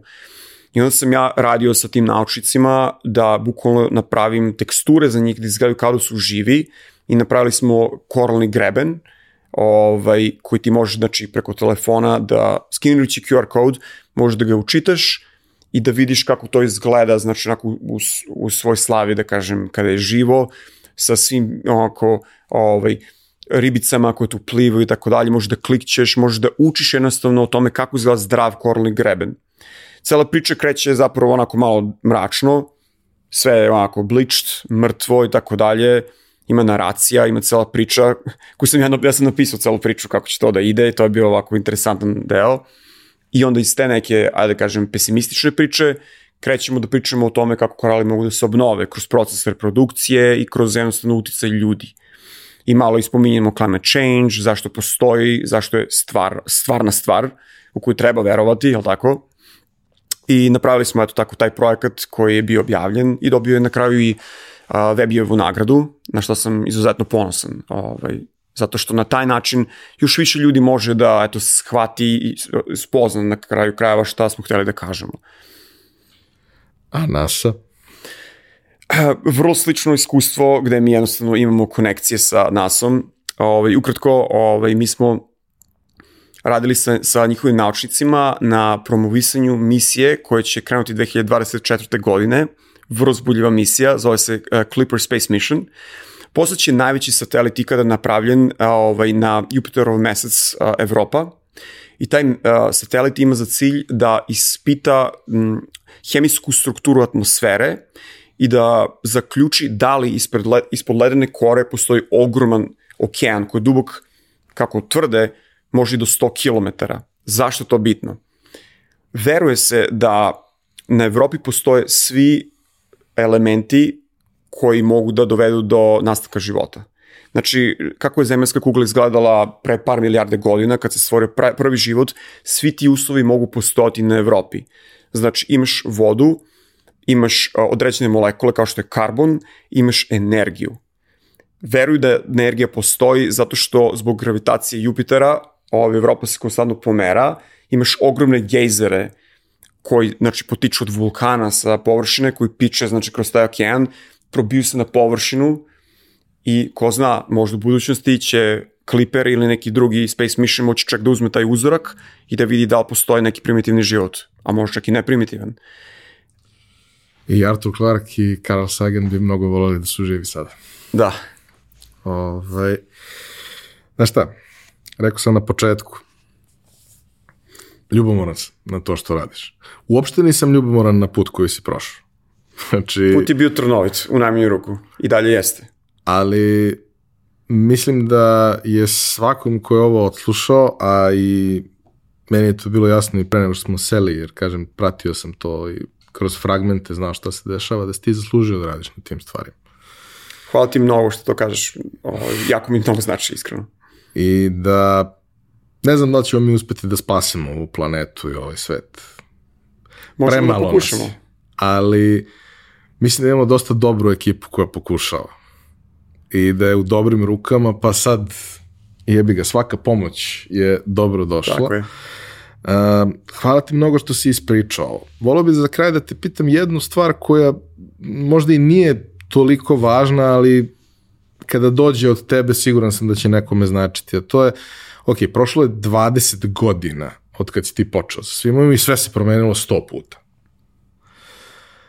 Da se sad pojavi neki klinac koji je talentovan i nesnađen, izbunjen, ali otprilike shvata šta hoće da radi kao što si ti tada, šta bi mu savjetovao od čega danas da krene i kako danas da krene ka tvom putu, a da ne provede 20 godina da dođe do njega?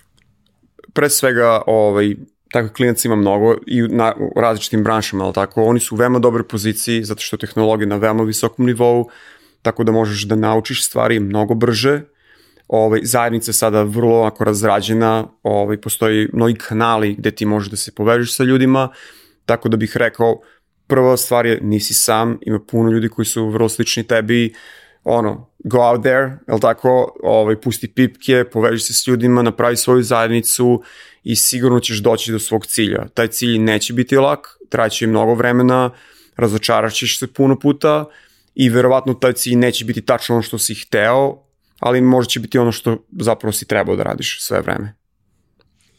Vlado, hvala ti. Mi ovo snimamo pre konferencije, ali oni koji su bili na konferenciji su već čuli deo ovog toka, tako da smo im malo spojlovali, ali ovaj, mislim da nije loše da čuju celu genezu bolesti. Tako je. A, hvala ti na, na tome što radiš, hvala ti na tome što si podelio priču, što si našo vremena, znam u kolkom si haosu svaki put kad dođeš. Ovaj, ono, danas je dan za snimanje vas što dolazite iz Silicijumske doline i znam da je sve napeto da se desi, mnogo mi je važno da se, da se desi, da imamo i takve priče. Ogromno mi zadovoljstvo što sam ovde. Hvala ti puno što si me pozvao u emisiju. Hvala vama što ste nas slušali, nadam se da vam je bilo interesantno. Uh, pronađite čoveka na LinkedInu, pratite šta radi, malo će vam ono, malo ćete imati ono svakih e, par meseci Fate in Humanity Restored momente. ovaj, I to bi bilo to. Mi se vidimo ponovo naredne nedelje. Realizacija pojačalo podcasta ne bi bila moguća bez naših izuzetnih partnera. Kompanije Epson, koja je vodeći svetski proizvođač projektora i štampača za sve namene, i kompanije Orion Telekom, provajdera najbrže internet infrastrukture u Srbiji sa preko 30 godina iskustva. Više informacija o njima i njihovoj ponudi pronaći ćete u opisu epizode.